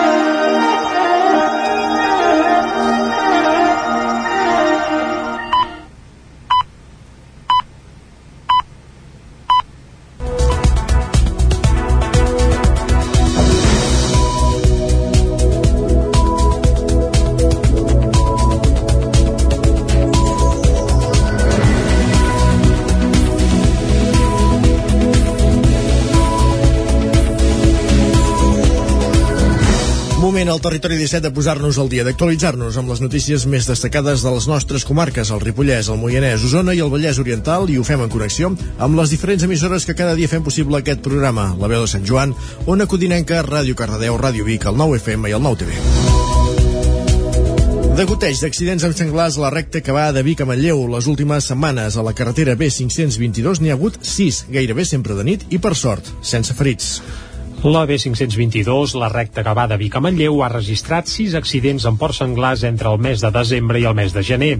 Segons dades del Servei Català de Trànsit, la majoria acostuma a tenir lloc entre quarts de vuit del vespre i les dues de la matinada. Fins ara, cap dels accidents amb fauna ha provocat ferits, ni tan sols lleus, però tal com afirma l'alcalde de Gurb, municipi per on transcorre gran part de la carretera, el gran nombre de vehicles que passa per la via condiciona que la sinistralitat sigui alta. Escoltem l'alcalde de Gurb, Josep Casasses. La carretera de Vic a Manlleu és una carretera amb un volum de trànsit molt, molt, molt alt, de fet hi passen entre 13 i 14.000 vehicles eh, al dia, amb la co cosa ja de per si és una, és una via amb, amb sinistralitat i, i incidències que a més a més doncs, eh, afegeixen també les, les incidències derivades del creuament de, de, fauna, de fauna salvatge i també eh, domèstica en algun cas eh? de fet hi ha hagut accidents tant causats per per senglars com també per algun, per algun gos. Malgrat que la recta de Manlleu no havia sobresortit fins ara pels accidents amb fauna salvatge, cada cop hi ha més conductors que alerten d'ensurts fruit de la irrupció sobtada d'animals al mig de la calçada. Els ajuntaments dels termes municipals de Manlleu i Gurb ja fa temps que demanen mesures per disminuir els accidents en aquest tram i des del Departament d'Acció Climàtica ja estan treballant per solucionar-ho. Josep Casasses. Sí que s'està ja fent un pla, un pla de treball conjunt amb les associacions o entitats de, de caçadors eh, justament doncs, per ampliar els períodes de caça i fer batudes i, i amb això sí que ens consta que ja, que ja s'hi està treballant que al final amb, davant d'una situació de, de, pràcticament de plaga com, com pot ser la fauna salvatge en aquest moment de senglars eh, cabirols i també de conills però que els conills no afecten el trànsit però sí que s'està donant un creixement també d'aquest tipus de, de, de fauna silvestre doncs estan fent un pla d'actuació basat en, bueno, en el control a través de la, de la, de la caça. La carretera segueix la tendència general a Catalunya, on durant el 2021 els accidents amb porcs senglars van pujar un 3% a causa de la superpoblació de l'espècie. I més qüestions. Un grup immobiliari americà ha comprat l'espai de la discoteca Bora Bora per convertir-lo en un centre logístic. Escanell projecta construir instal·lacions de 13.500 metres quadrats en la seva segona operació immobiliària a Catalunya. Núria Lázaro, des de Ràdio Televisió, Cardedeu. Els espais que ocupava la discoteca Bora Bora i un centre d'oci que ha estat inactiu durant anys s'enderrocaren per convertir-se en una plataforma logística. És el projecte del grup immobiliari Escanell Properties, d'origen nord-americà que ha adquirit els 22.500 metres quadrats de terreny en terme de Montornès i a tocar de Granollers. L'empresa preveu enderrocar els edificis per construir un centre logístic de 13.500 metres quadrats, segons un comunicat de l'empresa. La companyia promotora preveu que el projecte estarà acabat durant el primer trimestre de l'any vinent i es desenvolupa a risc, és a dir, encara sense un ocupant acordat. En el comunicat, Escanell apunta que serà un centre logístic d'última milla i, per tant, molt focalitzat en els lliuraments vinculats al comerç electrònic. Es construirà sota els criteris de construcció més exigents i s'introduiran elements d'estalvi energètic com panells fotovoltaics il·luminació LED i entre 3 i 5 punts de recàrrega elèctrica per a vehicles. L'empresa promotora del nou equipament logístic destaca la situació estratègica de les instal·lacions properes a Barcelona a la zona industrial del Vallès i amb un accés directe a l'autopista AP7, la principal via de comunicació en França i també en ús de comunicació amb altres àrees de Catalunya i de l'Estat. Més qüestions. Junts per Ribes introdueix tres bonificacions a l'impost de la plusvàlua i Esquerra en demana incorporar tres més. Isaac Muntades, des de la veu de Sant Joan. Amb els vots a favor de l'equip de govern de Junts per Ribes i també els de Tots Fem Ribes Esquerra Republicana de Catalunya i l'abstenció de la CUP, l'Ajuntament de Ribes de Freser va aprovar en el darrer ple una sèrie de modificacions a l'ordenança l'ordenança reguladora de l'impost sobre l'increment del valor dels terrenys de naturalesa urbana, més conegut com la plusvàlua municipal. L'alcaldessa Mònica Sant Jaume va enumerar les tres bonificacions que hi incorporen. Que s'incorpora una bonificació fiscal pels béns d'interès cultural en què els propietaris hagin aportat a terme reformes importants del manteniment d'aquest patrimoni durant els cinc anys precedents a la transmissió. El segon és que s'incorpora una bonificació fiscal potestativa del ple que es podrà acordar do per aquells expedients que revesteixin un interès públic i per últim s'incorpora una bonificació del 25% en l'habitatge habitual del causant en les transmissions mortis causa sempre que hagi estat en el domicili habitual del causant abans de la seva defunció i s'hi acrediti l'empadronament efectiu. Sant Jaume va recordar que la plusvàlua és un dels cinc impostos que recapta el consistori i no va amagar que té un pes important al municipi. El portaveu republicà Joaquim Roquer va explicar que havien entrat una instància abans del ple amb propostes de bonificacions perquè es tinguessin en compte de cara a la següent sessió. Va justificar-les així. Si el nostre municipi depèn tant d'aquest impost és perquè realment hi ha molta transacció o hi ha molts canvis de preus d'edificis no? o d'immobles. Ribes tenim un problema, jo crec que tots els membres d'aquest consistori són conscients, de despoblament, problema per accedir en el mercat de l'habitatge. I llavors les tres propostes que, que realitzem és per incentivar precisament la primera residència i també l'arrelament de la població dels habitants habituals de Ribes. Per exemple, Roquer va demanar elevar del 25 al 95% la bonificació en les transmissions mortis causa per a aquelles persones que visquin al pis i l'heretin del difunt. El republicà va proposar bonificar en un 95% aquells immobles que es mantinguin com a habitatge habitual en els pròxims 4 anys després d'heretar-lo i que no es puguin vendre. Si es fa, la persona haurà de retornar l'impost bonificat més els interessos a l'Ajuntament. La tercera bonificació també seria del 95% per a aquells propietaris que cedissin immobles a una borsa d'habitatges municipal per cedir-los per temes socials. La CUP va comprar-li el discurs a Roquer i Sant Jaume es va comprometre a estudiar-ho i aplicar-ho, si s'escau, per quan s'aprovin les ordenances fiscals al setembre. Gràcies, Isaac. Més qüestions. Aquests dies, l'Ajuntament de Viladrau està fent el trasllat cap a l'Espai Montseny, abans que en els propers anys quedi definitivament instal·lat a Can Cià, una de les derivades de la reforma de les escoles velles. Cansa és els ànims al poble. I d'aquest conflicte en va parlar la seva alcaldessa, Noemí Basties, en una entrevista al programa Anglo Obert del Nou TV, on també va repassar altres temes d'actualitat del municipi. Basties no entén que des de l'oposició ara suposin el projecte, quan precisament l'havien iniciat ells mateixos quan estaven al capdavant del consistori. L'escoltem. En el ple de, dels pressupostos del 2021, on ja hi havia contemplat el projecte i tal, es va explicar tot el projecte i, i, i es van o sigui, van reforçar la idea de, de tirar endavant aquest projecte, per tant estaven del tot d'acord i, i ha sigut quan s'ha vist no, que es tirava endavant i que el projecte doncs, avançava quan s'ha passat a fer aquesta oposició més destructiva. Llavors, la nostra lectura sobre això és que davant d'un projecte de tant pes important pel municipi doncs, es vol treure en rèdit polític i buscar doncs, l'oposició de, de, de la gent del municipi. Basties és l'alcaldessa de Viladrau des de l'octubre de 2019, després una moció de censura que va desbancar l'anterior alcaldessa Margarida Feliu d'Esquerra Republicana. Més qüestions, l'Ajuntament de Caldes de Montbui contracta quatre persones en risc d'exclusió laboral a través dels plans d'ocupació municipals. Caral Campàs, des d'Ona Codinenca. Dues d'aquestes persones tenen més de 60 anys i s'han contractat com a operaris de brigada durant 9 mesos i a jornada completa dins del programa Treball als barris. Es dediquen al manteniment i la millora del mobiliari urbà que hi ha al municipi, així com també d'altres elements estructurals dels parcs i altres espais municipals. Les altres dues persones s'han incorporat a través del programa Treball i Formació 2021 adreçat als majors de 45 anys i a dones i treballaran com a operari d'esports i auxiliar administrativa respectivament.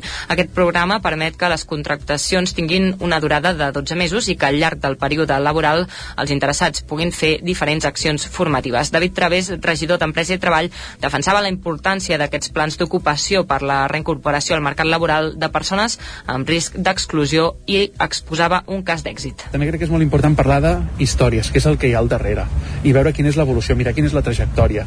Ara farà uns anys enrere, precisament el 2019, ens trobàvem en aquest mateix parc eh, entrevistant en aquest cas també, a dues persones que venien d'un mateix programa, d'un pla d'ocupació. Aquest pla d'ocupació 2019 va acabar el 2020 i el 2021, com que venien amb treball i formació, vam fer una formació també amb nosaltres a la Piqueta i ha permès, en aquest cas, en aquestes eh, dues dones, introduir-se i mantenir-se en el món laboral, quan feia més de 4 anys, en aquest cas, que no tenien cap tipus de contracte. En total es destinen uns 122.000 euros a aquests programes ocupacionals, 39.000 dels quals els aporta directament l'Ajuntament de Caldes. Per tal de facilitar el dia a dia de les persones amb autisme, el grup Bonpreu ha impulsat la iniciativa Hores Tranquil·les. Des de l'associació T. Asperger de Vic valoren molt positivament aquest servei. Dificultat per relacionar-se amb la gent, alteracions en el llenguatge expressiu i verbal, manca d'interès per compartir espais amb altres persones, baixa tolerància a l'espera i necessitat d'una rutina. Aquestes són algunes de les característiques de les persones que estan diagnosticades amb el trastorn de l'aspecte autista, el TEA.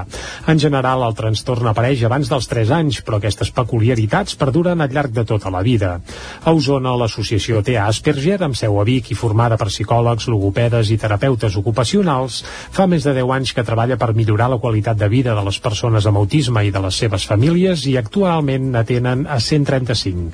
I per tal de millorar la qualitat de vida de les persones amb TEA, el grup usonenc de supermercats Bon Preu va implementar a principis d'aquest gener les hores tranquil·les. Què són i quines són aquestes hores?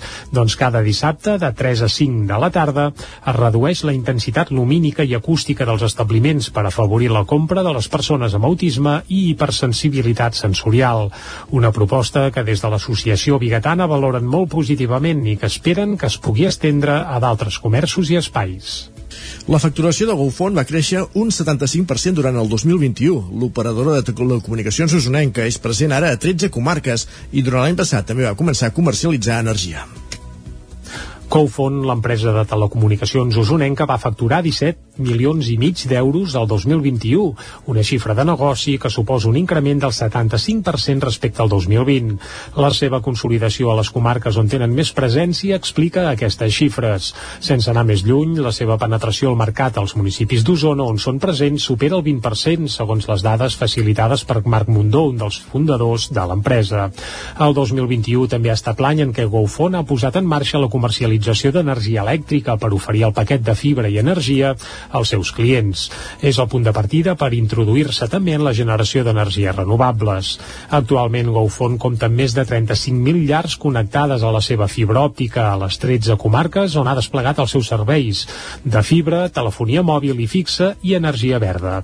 GoFon destaca per portar la seva xarxa de fibra òptica pròpia tant a nuclis urbans com a àrees disseminades. Durant el 2021 van activar més de 80 noves zones, incloent la culminació de desplegaments en diferents capitals de comarca com Vic, Mataró, Mollà, la Bisbal d'Empordà o Berga. També han començat a caplejar altres ciutats com Granollers o Girona, un procés que preveuen finalitzar aquest 2022. En aquest procés i també durant l'any passat van sumar forces amb l'empresa manresana Sum Fibra, amb una forta presència al Bages, la qual cosa ha permès a la companyia usonenca créixer també molt a la Catalunya central, on ha obert dues botigues. GoFon ja porta desplegats 4.000 quilòmetres de fibra, 1.500 dels quals desplegats durant l'any passat. GoFon compta actualment amb més d'un centenar de treballadors i sis botigues en diferents punts de Catalunya. Acabem aquí aquest repàs informatiu a les notícies més destacades del territori 17 que començàvem al punt de les 10 en companyia de Jordi Sunyer, Caral Campàs, Núria Lázaro i Isaac Muntades. Moment de conèixer la previsió del temps. Casa Terradellos us ofereix el temps. I el temps, fins a la costa, és en Pep Acosta. A primera hora ja ens ha alertat que hi ha poques novetats, però ara el saludarem de nou. Bon dia, Pep. Hola, molt bon dia. Comença una nova setmana. Avui ens passa un petit front. bueno, és, és, és, és encara més petit que el que hem tingut el cap de setmana, el dissabte. Per tant, imagineu si serà poca cosa. Només afectarà una mica a la zona més nord del Pirineu, a la cana del Pirineu, nostres comarques mm, és que no, no es deixarà ni sentir gaire aquest front. Uh, tot això amb unes temperatures baixes, uh, no molt fredes tampoc, uh, només glaçades a les zones més enclotades de les nostres comarques, i amb unes temperatures màximes que voltaran entre els 15, 16, 17 graus a tot estirar temperatures força normals per l'any, força suaus, no farà molt de fred, tampoc farà molta suavitat.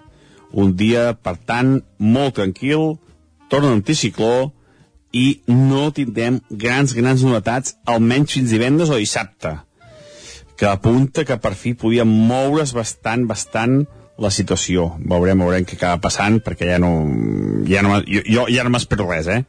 Ja no m'espero cap gran puja, ja no m'espero cap gran fredorada ni cap gran nevada. Uh, ja no faig expectatives perquè després no es compleixen. Uh, per tant, uh, de moment, això sé que avui, els, tots els mapes diuen, tot indica, que torna anticicló, molta suavitat, temperatures no gaire baixes, tampoc no gaire altes, i molt, molt de sol durant tot el dia. Només algunes pinzellades de núvols prims, però molt poca cosa. Cap possibilitat de precipitació a les nostres comarques avui. Això seguríssim. Moltes gràcies i demà ens escoltem. Adeu. Ja, Pep, que vagi molt bé, Isaac, ja veus, eh? De canvis, pocs. I avui, impossible que plogui res. Continua el fred al matí, sí. les temperatures més suaves al migdia i vinga, irem fent. Anem cap a l'entrevista, doncs. Doncs vinga. Som-hi. Anem-hi, va. Casa Tarradellas us ha ofert aquest espai. Territori 17. Envia'ns les teves notes de veu per WhatsApp al 646 079 023. 646 079 023. WhatsApp Territori 17.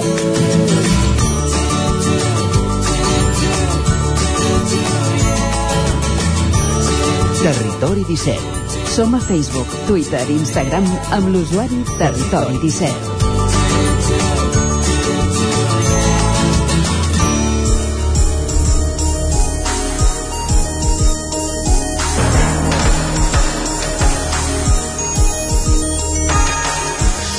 Cararac Verd és una entitat ecologista que es va crear a Caldes de Montbui l'any 2019 per denunciar els abocaments de terres impròpies a la zona de Cararac, a prop del cementiri municipal i d'altres zones del poble. Ara, després de dos anys de lluita i una pandèmia pel mig, s'han reactivat. Parlem amb Caral Campàs, primer de tot, des d'Ona Codinenca. Bon dia, Caral. Bon dia, doncs, doncs sí, s'han reactivat i ara el focus està posat en abocaments de terres produïts en una zona de sol no urbanitzable situada al costat del polígon industrial La Borda. Aquesta denúncia doncs, la van elevar a pública des d'aquest col·lectiu l'any 2020 i a partir d'aquí l'Ajuntament de Caldes va decidir aturar aquesta activitat, va obrir un expedient i va proposar una sanció als promotors de l'activitat. Ara, però, des de Cararac Verd denuncien que el consistori ha deixat caducar aquests expedients sense dictar cap resolució. I per parlar-ne i per conèixer més a fons aquesta qüestió tenim amb nosaltres a Oriol Valls, de Cararac Verd. Bon dia, Oriol. Hola, bon dia. En un vídeo a YouTube eh, publicat aquest desembre resumi, resumiu aquest tema, no? I amb imatges demostreu el canvi que s'ha produït en, aquest, en el paisatge d'aquella zona des del 2017 fins al 2021. Eh, ens pots contextualitzar la situació pels, pels nostres oients i per tots els que no hagin pogut veure aquest vídeo? Bé, eh, nosaltres, de fet, eh, aquí al polígon de la Borda, tocar al polígon de la Borda, i vam intervenir, i vam començar a intervenir el 2020 just després que l'Ajuntament finalment tanqués efectivament l'explotació de Can Cararac. Llavors vam presentar una denúncia perquè ens vam adonar que s'estaven fent abocaments de terres eh, i els estaven fent eh, semblava ser la mateixa empresa que havia gestionat Can Cararac i per tant tancar Can Cararac doncs semblava que havia s'havia traslladat a la borda a continuar la seva activitat. Nosaltres vam presentar la denúncia, efectivament, com deies, es va, l'Ajuntament va iniciar un expedient sancionador de disciplina urbanística, no amb, no, amb poc, no amb poques penes i treballs, vull dir que no va ser una cosa ràpida, i aquest expedient o aquesta infracció, aquests expedients que s'han tramitat ara fa dos anys, doncs s'han començat dos expedients, s'han caducat dos expedients, hi ha hagut intervenció, dues intervencions del síndic de Greuges pel mig instant a l'Ajuntament a, a que ho tramités eh, i per ara només hem aconseguit la caducitat. Mm -hmm. I hem demanat, també hem demanat eh, l'obertura d'un tercer expedient, eh, però bueno, aquest sembla ser que no s'ha iniciat encara. De quina manera l'Ajuntament justifica haver deixat caducar aquests expedients? Doncs eh, ho ignorem com, ho justifica, vull dir, no ho he justificat perquè fins i tot eh, amb les preguntes que li feia el síndic de Greuges doncs tampoc ha donat una resposta de per què ha passat això. Vull dir que no sabem si és que són molt complicats, eh, hi ha poc temps perquè són sis mesos per tramitar-los o realment hi ha una maniobra diguem, per, per allargar tot això en el temps i esperar que, bueno, que prescrigui la infracció o alguna cosa semblant. Eh, en aquests moments, eh, quina és la situació de- d'aquesta zona de, de sol no urbanitzable del costat de, del polígon on s'hi han anat realitzant abocaments d'àrids i de terres? Com, com està Bé, la, no- la zona? Sí, no, nosaltres mm, vàrem començar a, a interessar-nos per això de la borda el 2020, com, com he dit, perquè l'empresa de Can Cararà, que GDP Recycling Process, estava fent aquests abocaments en allà.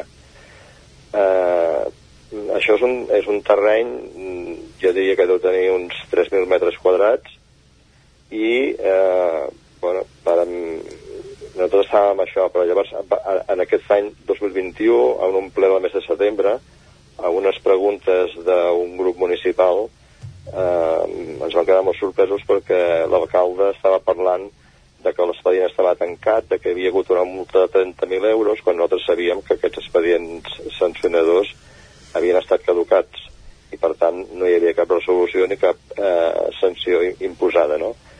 Eh, llavors, eh, el ple de setembre, el ple d'octubre eh, hi vam tornar altra vegada i vàrem adonar-nos-en de que estàvem parlant de que l'Ajuntament estava en una maniobra de confusió, entenem, estava intentant eh, desviar l'atenció de, diguem, del terreny on nosaltres teníem interès amb una altra cosa al costat que hi havia un expedient de disciplina urbanística que s'estava tramitant des de l'any 2017.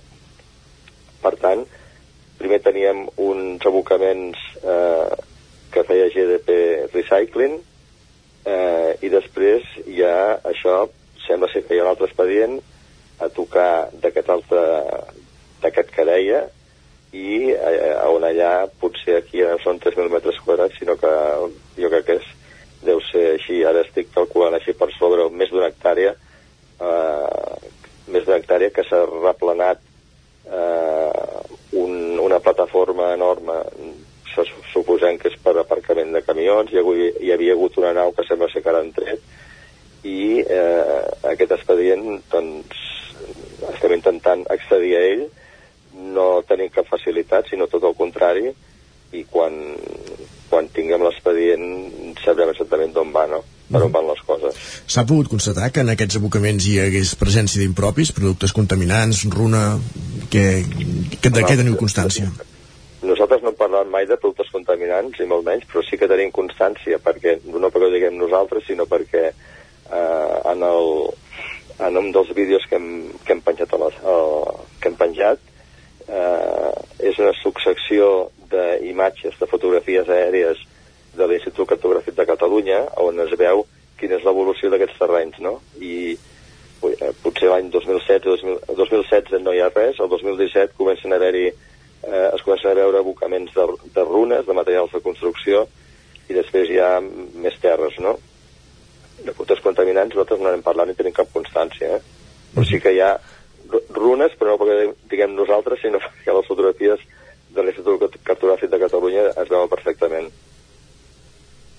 Ah, ah, també heu detectat moviments de, de terres en sol no urbanitzable, però en aquest cas a, a un altre lloc, al paratge de l'Arca, ho dèieu a, a les xarxes el, el 21 de gener. On està situada aquesta zona?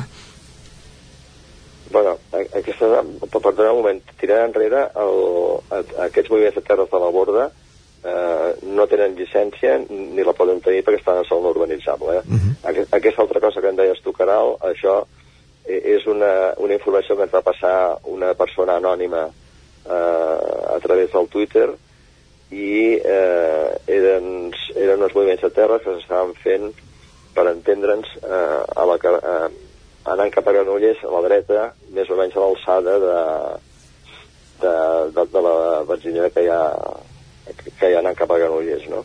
I, i, i això, diguem, eh, allà és on comença el mateix torrent de les arenes, em sembla que es diu, espero no equivocar-me, que va donar precisament a sota del polígon de la borda, per això ens vam alarmar una mica. Vam anar a veure i ens va semblar que era un moviment de terres i que no, per finalitats agrícoles i que no hi havia res més, vull dir, no sé, això ho vam veure nosaltres.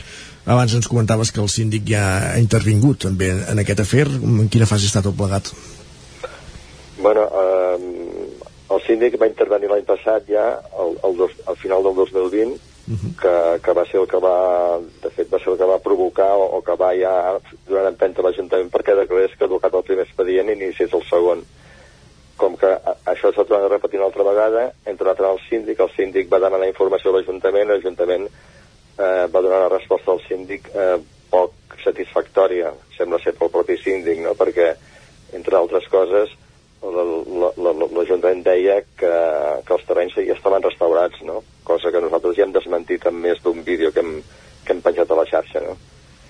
I, per tant, en el síndic, en aquest moment, mm, després d'aquesta resposta de l'Ajuntament, eh, està, estan pendents de resoldre què fan amb l'Ajuntament, no? Vull dir, si fan un requeriment nou o fan alguna altra cosa, no ho sé.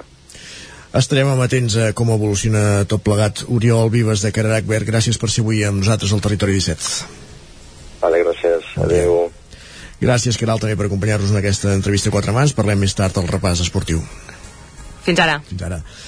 El Territori 17, com dèiem, continua. Tot seguit fem una petita pausa. Seran 3 minuts i tornarem amb les piolades amb en Guillem Sánchez. Passarem per la taula de, de redacció com sempre, repassant qüestions d'actualitat de les nostres comarques, avui en companyia, per exemple, de Guillem Freixa, i com dèiem, després repassarem Uh, esportivament com ha anat el cap de setmana pels equips del territori 17 en connexió amb les diferents emissores que cada dia fan possible aquest programa a les 11 notícies i després el solidaris, com dèiem avui, amb el debut d'Adrià Oliveres en aquesta secció que ens porten cada setmana de, des de Ràdio Vic i parlant del casal Claret de Vic.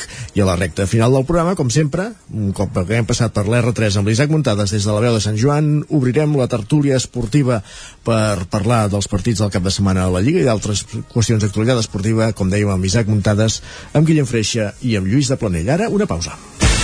El nou FM, la ràdio de casa, al 92.8. A la rostisseria El Plat ens agrada la cuina de sempre, la de les àvies i de les mares, la cuina feta amb paciència com s'ha fet tota la vida. Vine a provar els nostres canelons gruixuts o els croquetons, les nostres croquetes de 80 grams i recupera el gust del pollastre a com els que es menjaven abans. Ah, i aprofita, fins a finals de febrer, 20% de descompte en els canelons i el pollastre. Rostisseria El Plat, encàrrecs fins a les 12 del migdia i servei a domicili. Ens trobaràs de dijous a diumenge al carrer Església número 6 de Taradell o al 93 130 35 58 85. Cefosol, centre de formació de soldadura GURB. Som especialistes en processos de soldadura. Disposem d'instal·lacions totalment equipades per a classes de teòrica i pràctica amb cabines individuals i equipaments de seguretat. Assessorem empreses i oferim cursos subvencionats i bonificats. Vine i t'informarem. Cefosol, som al carrer Sant Roc, número 9 de GURB. Telèfon 664 206 192. També ens trobaràs a cefosol.com i a YouTube. Cobertes serveis funeraris. Els nostres tanatoris estan ubicats en els nuclis urbans més poblats de la comarca d'Osona per oferir un millor servei. Tanatori de Vic, Tanatori de Manlleu, Tanatori de Centelles i Tanatori de Roda de Ter. Sabem que són moments difícils i per això el nostre compromís és atendre-us en tot moment amb un tracte humà, sensible i respectuós. Cobertes serveis funeraris. Telèfon 24 hores 93 883 23 46. Gràfics Air, el seu proveïdor global en retolació i impressió digital. Oferim servei de disseny, producció i instal·lació de qualsevol projecte en retolació industrial i comercial. Rètols corporis, senyalització preventiva, senyalització viària, senyalització interior de naus, vinils decoratius per a oficines i establiments comercials, retolació de vehicles... Confia en els serveis que li pot oferir Gràfics Air. Ens trobarà al carrer Lleida 39 de Vic o a gràficsair.com. Anuncia't al 9FM. La màquina de casa 9 3 8 8 9 4 9 4 9 Publicitat arroba al 9FM.cat. Anuncia't al 9FM. La publicitat més eficaç. Cocodril Club. Si t'agrada la bona música dels anys 60, 70 i 80, escolta el 9 FM als matins de dissabtes i diumenges d'11 a 1. És el temps del Cocodril Club, tot un clàssic de la ràdio, amb les bases del pop-rock, les llegendes, les cançons que s'han convertit en autèntics himnes. Recorda, dissabtes i diumenges al matí, d'11 a 1, al 9 FM 92.8. Cocodril Club, el programa revival de l'Albert Malla. Hasta luego, cocodrilo. El 9 FM, el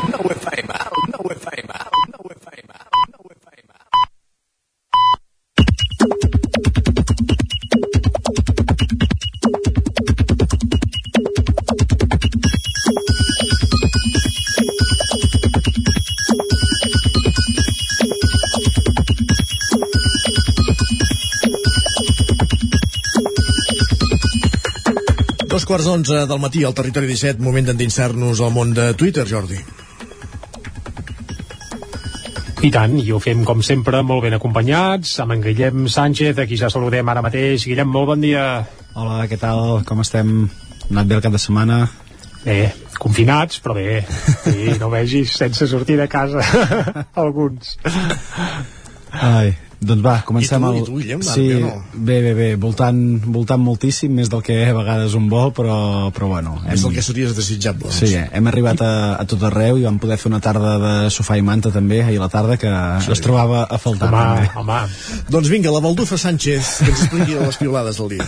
Doncs va, per molts estudiants aquestes setmanes els toca començar també el segon semestre a la universitat. Això significa per a molts tornar a la rutina. Persones com la Júlia s'han volgut preguntar a través de Twitter qüestions com les següents. Ens diu que algú m'expliqui per què demà començo el segon semestre i encara no sé si tinc aprovades algunes assignatures del primer. Una situació una mica, una mica estranya, però de fet agafar els nou ritme, de nou els ritmes de la universitat no és gens fàcil i encara menys per als estudiants com jo quan hi anava que tenen la facultat una mica lluny de casa. Per exemple, la Jana ens escriu avui faré quatre horetes de tren i només una de classe. Viu la UAP, diuen.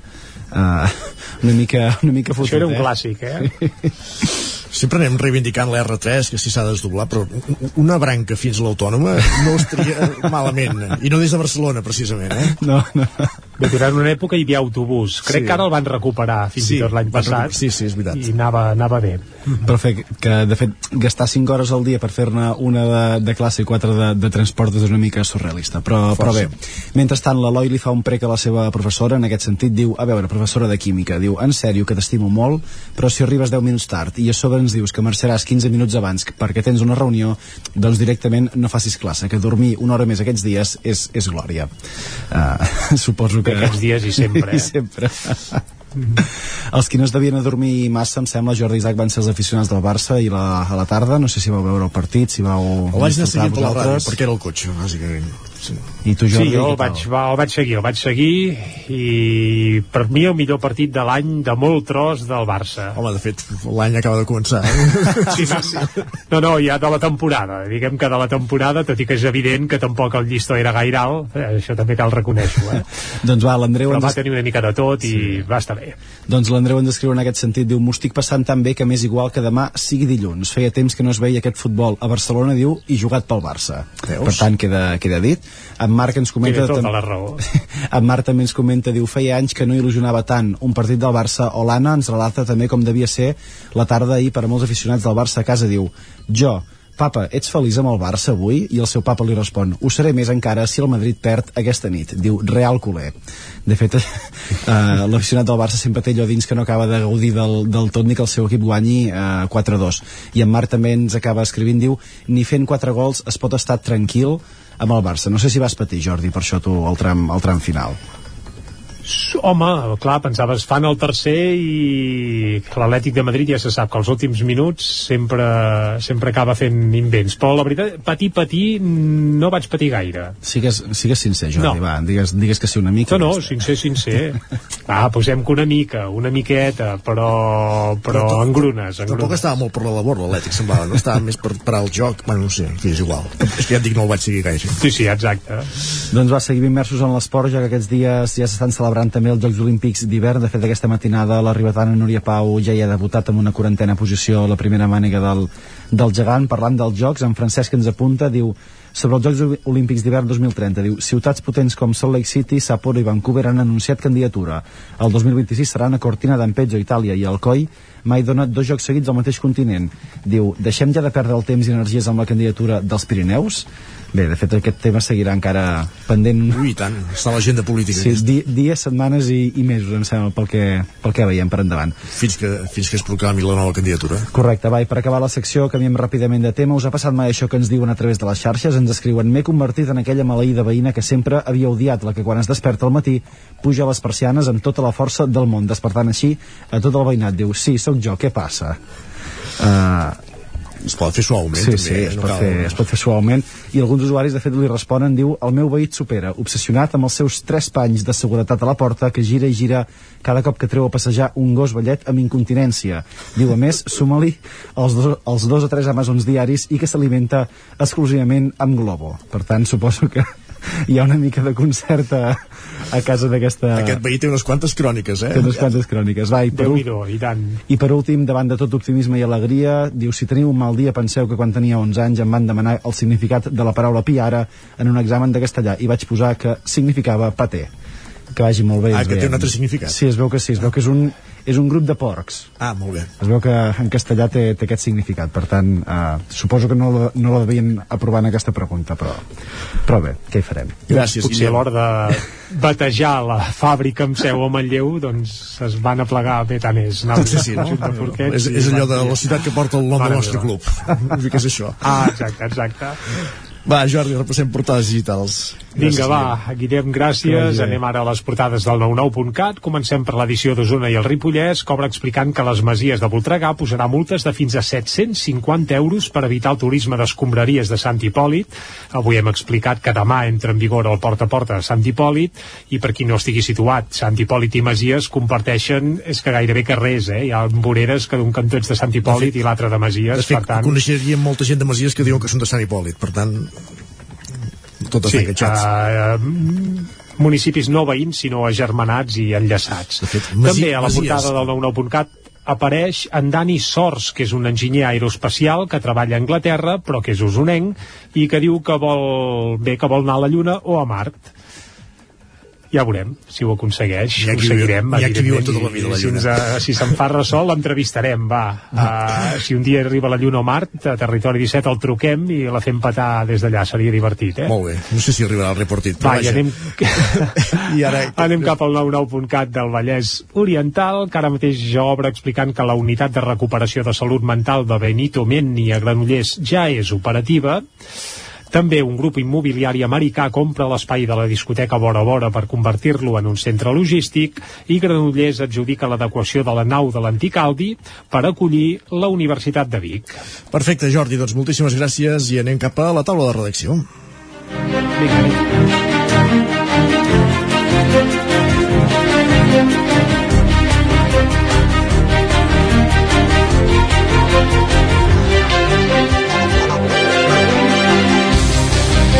Taula de redacció avui en, en companyia de Guillem Freixa i de Miquel R. Primer de tot, Guillem, parlem de... aprofundim en aquest titular que llegim avui a les dues edicions del 9-9, bàsicament, perquè té reminiscències per entendre'ns a tot el territori 17, que és aquesta nova planta a Granollers on els usonencs amb càncer que necessitin radioteràpia la, pod la podran anar fent en aquestes noves instal·lacions. Bon dia, Guillem. Bon dia, sí, és una d'aquestes notícies que, que passa a, a, un, a un punt concret, no? passa a, a Granollers, però que té impacte uh, radial perquè afecta a moltes altres zones de, precisament d'aquest territori uh, C17, sí.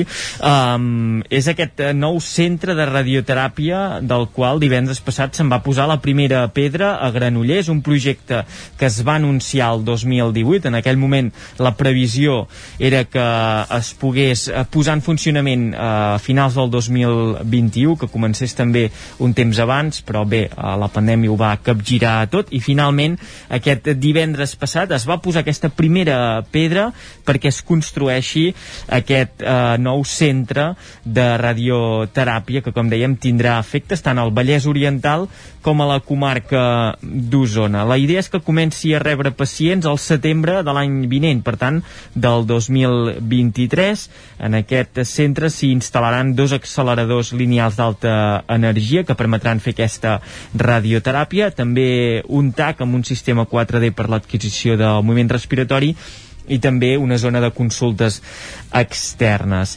Què suposarà això? Dèiem eh, aquest fet, eh, que, que s'instal·la Granollers però que té aquesta derivada a tot el Vallès Oriental i també a la comarca d'Osona i és que els pacients amb càncer de la comarca d'Osona que han de fer aquest tractament de radioteràpia doncs ja no l'hauran d'anar a fer a l'Hospital Clínic de Barcelona on s'està oferint ara mateix aquest eh, servei, ja no s'hauran de desplaçar fins a Barcelona, sinó que podran fer-ho a Granollers. Eh, En total, a Osona són uns 220 pacients de mitjana aproximadament els que necessiten aquest eh, tractament cada any, cada any eh, exacte, uh -huh. i des de la unitat d'oncologia i hematologia del Consorci Hospitalari de Vic, la seva cap, Marta Parera, ens explicava que el fet d'anar al, al clínic doncs, eh, suposa un gran esforç. Eh? Es fa amb un transport sanitari col·lectiu, es recullen les persones que han d'anar a fer aquest tractament, baixen totes cap a Barcelona i això doncs, suposa dedicar pràcticament mitja jornada o fins i tot més de mitja jornada anar a fer aquest tractament i la major part de l'estona doncs se la passen a la, a la carretera. Com dèiem, el fet que s'acosti a Granollers permetrà que eh, de, el temps que es passa a la carretera es redueixi moltíssim perquè parlem de 72 quilòmetres aproximadament ara fins al clínic i a Granollers seran poc més de de 45. Això eh, també Parera ens remarca aquest eh, fet d'acostar el tractament que genera una gran millora en el eh, pacient perquè no és un tractament que sigui anecdòtic sinó que pràcticament el 40% dels pacients amb afectacions de càncer poden arribar a necessitar aquest tractament de radioteràpia en algun moment del seu procés.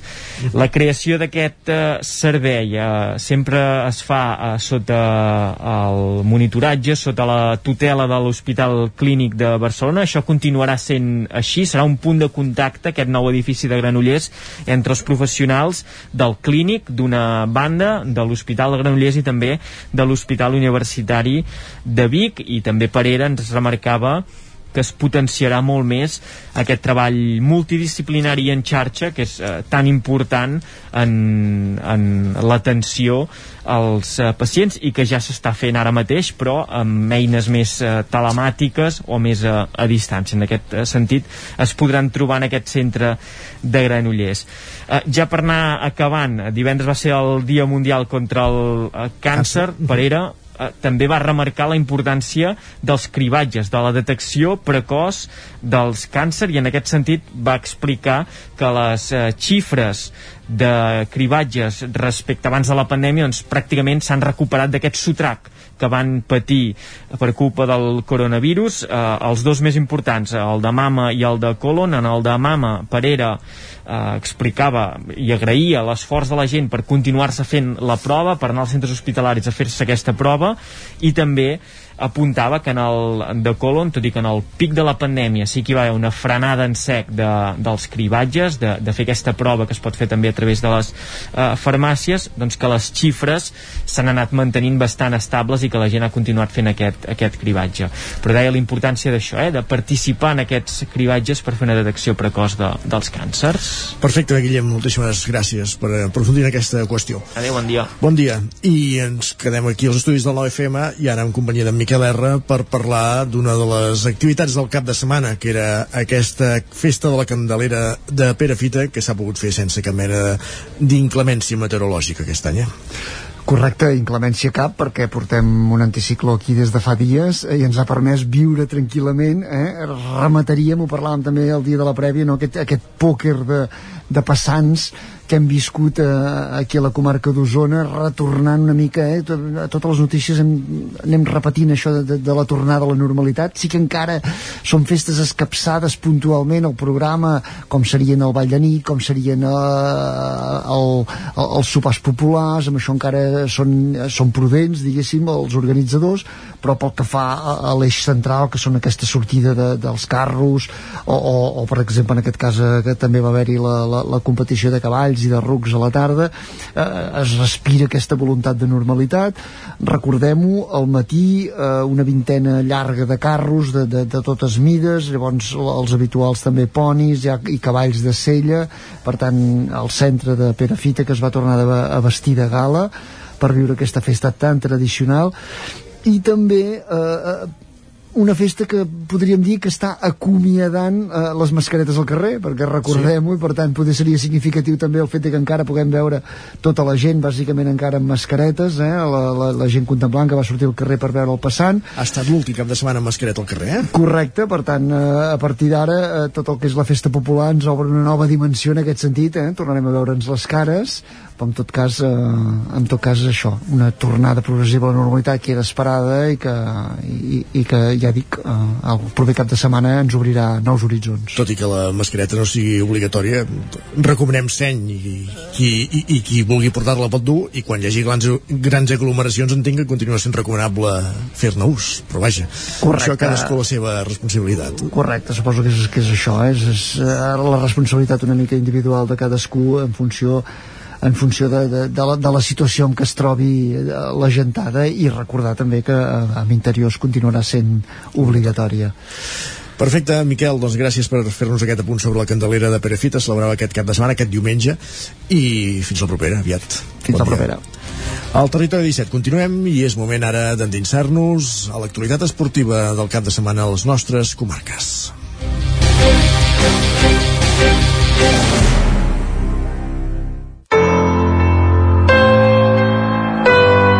Territori, Territori 17. Territori 17.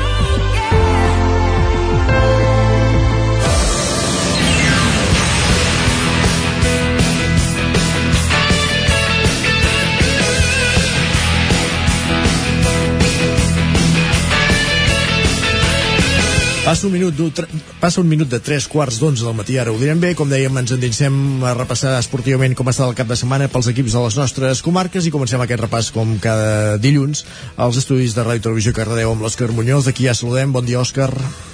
Bon dia. Doncs Què, sí. com, com ha anat el cap de setmana, esportivament parlant? Doncs, com sempre, tenim una mica de tot, sobretot tenim partits suspesos, Carai. així que és, és aquesta la dinàmica que portem cada dilluns. Així, si us sembla bé, comencem el repàs esportiu amb l'empat del primer equip del Cardedeu a futbol contra el Sant Julià de Vilatorta per dos gols a dos. A, pri a priori era un partit més fàcil, ja que el Sant Julià van penúltims a la Lliga, però el partit va ser va ser el primer equip del Cardedeu qui va anar remolc durant tot el partit. Aquest començaria amb un gol del Vilatorta al minut 36 per acabar la primera part i després ja la segona el Cardedeu faria el 47 tornaria al Vilatorta al 51 i per acabar el minut 72 faria el gol de l'empat del Cardedeu aquest resultat no varia gaire a la segona catalana tot i que el segon és el segon empat consecutiu del primer equip Mhm. ara situat a la tercera posició Molt bé. Ara canviem de lliga, anem a la tercera catalana. El filial sí que va guanyar per un gol a zero contra l'Atlètic del Vallès. Eh, aquest va ser un partit molt de tercera catalana, amb un joc més aturat, on el Cardedeu va acabar amb set targetes grogues i l'Atlètic amb quatre grogues i una vermella. L'únic gol del partit arribaria al minut 66. Així que ara tenim el filial a la segona posició després de que el tercer classificat, el Bellavista Milan, empatés a 1 contra el Llinàs del Vallès, on el partit va començar el Llinàs fent un gol al minut 68, després el Bellavista doncs, empataria al minut 78. Ara el Llinàs va estar situat a la tretzena posició. Per acabar el futbol, l'Esport Club no va jugar aquest cap de setmana, tenia doncs, això, un cap de setmana de descans, i canviant de- d'esport, de, a l'handbol aquí a Cardedeu, doncs tampoc van jugar ni el sènior femení ni el sènior masculí. Aquest cap de setmana començava la fase de permanència, però doncs això, s'han suspès els dos partits a causa de, del Del típic cas de Covid. Exacte. Eh, Així que acabem a Granollers, sí. on aquest cap de setmana hi ha hagut aquesta moguda eh, mitja marató, Amb, eh, amb, Granollers, les rècord, franqueses amb rècord en la categoria femenina, eh? Molt bé. Sí, de la Kenyatta Purti Jatmatui. O sigui, és una miqueta estrany el nom. Però això, una hora i 7 minuts i 16 segons va acabar amb aquest rècord femení a la mitja de Granollers. I això, els equips d'handbol de Granollers, el Franking no va jugar, és el segon partit suspès consecutiu després de l'europeu, o sigui, encara no han jugat després de l'europeu, i doncs qui sí que va jugar va ser les noies del CAC 7, eh, ho van fer amb una victòria contra el Conservas Orbe Balomano Portorriño per 36 a 29. Molt bé. Doncs amb la victòria de l'equip femení del Franking Granollers acabem aquest repàs esportiu des de Ràdio Televisió Cardeu. Gràcies, Òscar.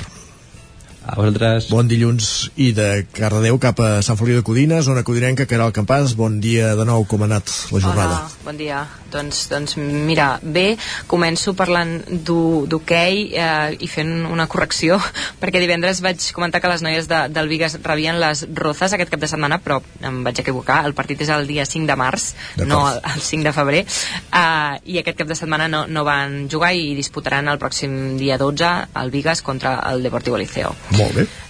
Fet aquest apunt, eh, segueixo amb hoquei, eh, els que sí que disputaven eren eh, el primer equip del Sant Feliu de Codines, que el tenim a segona divisió i que va perdre contra el Juleseta, el seu rival directe, per 3-0 eh, i, i bé, després de la important victòria que va tenir el cap de setmana anterior amb el companyia de Marià, s'ha de dir que els codinencs buscaven seguir amb la mateixa tònica, amb la mateixa línia, però no van tenir eh, el resultat esperat i van encaixar doncs, aquests tres gols.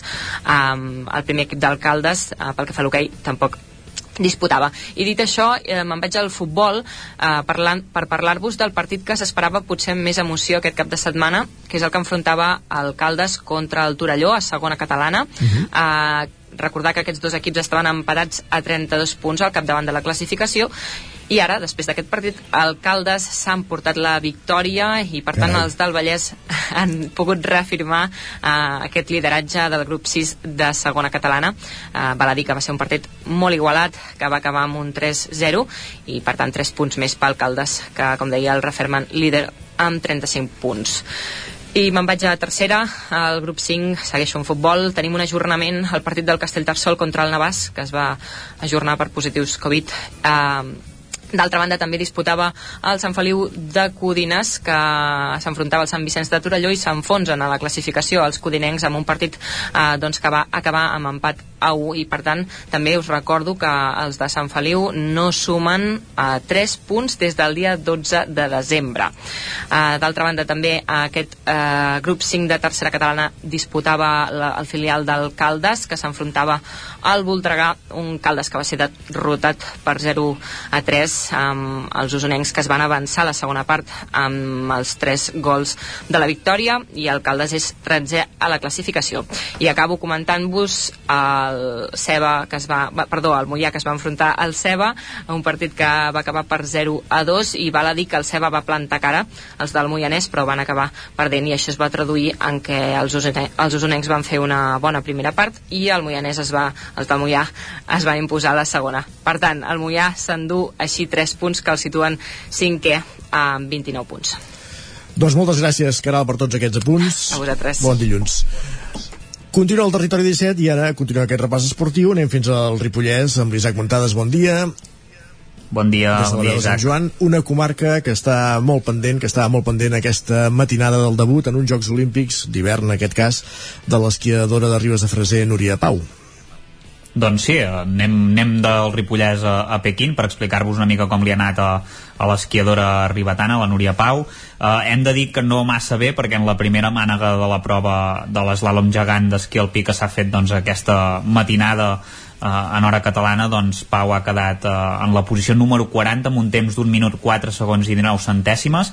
Eh, cal dir que s'ha vist perjudicada Pau en sortir en la 48a posició perquè la neu estava més desgastada per les corredores que l'havien precedit i bé, s'ha quedat a dos segons de passar el tall per anar a la segona mànega i ha quedat eh, eliminada. Eh, en, del liderat eh, s'ha quedat a 6 segons i 63 centèsimes de la primera classificada, la sueca Sara Héctor. És una llàstima per, per Pau, que ha competit tan bé com ha pogut en unes condicions complicades i que hem de dir que ha rebut el suport d'unes 70 persones que s'han congregat aquesta matinada al cinema Catalunya de Ribes de Freser Uh, per animar-la i que doncs bé, s'han llevat ben d'hora o directament no han anat a dormir doncs, per, exacte, per seguir-la i, i llàstima perquè bé, uh, el poble estava blocat amb ella i ha fet tot el que ha pogut i realment ho ha fet el millor que ho ha pogut, això sens dubte Quin era l'objectiu? Perquè és veritat que no arribava Sí. a les seves millors condicions als Jocs Olímpics, era el seu, any de, Exacte. el seu any de debut en aquesta competició, per tant, eh, debutar ja és el, el primer èxit, entenc, no? Sí, l'objectiu que s'havia marcat en principi era intentar passar a la segona mànega, és a dir, quedar entre les 30 primeres. Eh, era un objectiu que podia ser factible, depenia de diversos factors, i és això que comentaves, eh, que va arribar després de patir doncs, eh, un parell de lesions en aquest tram final de la preparació que li han complicat bastant la vida, però que les ha pogut superar i, i ha pogut fer aquest debut però, però bé, uh, haurà de ser en el següent i segur que, que ho aconseguirà Perfecte. Parlem ara d'altres disciplines esportives, Isaac.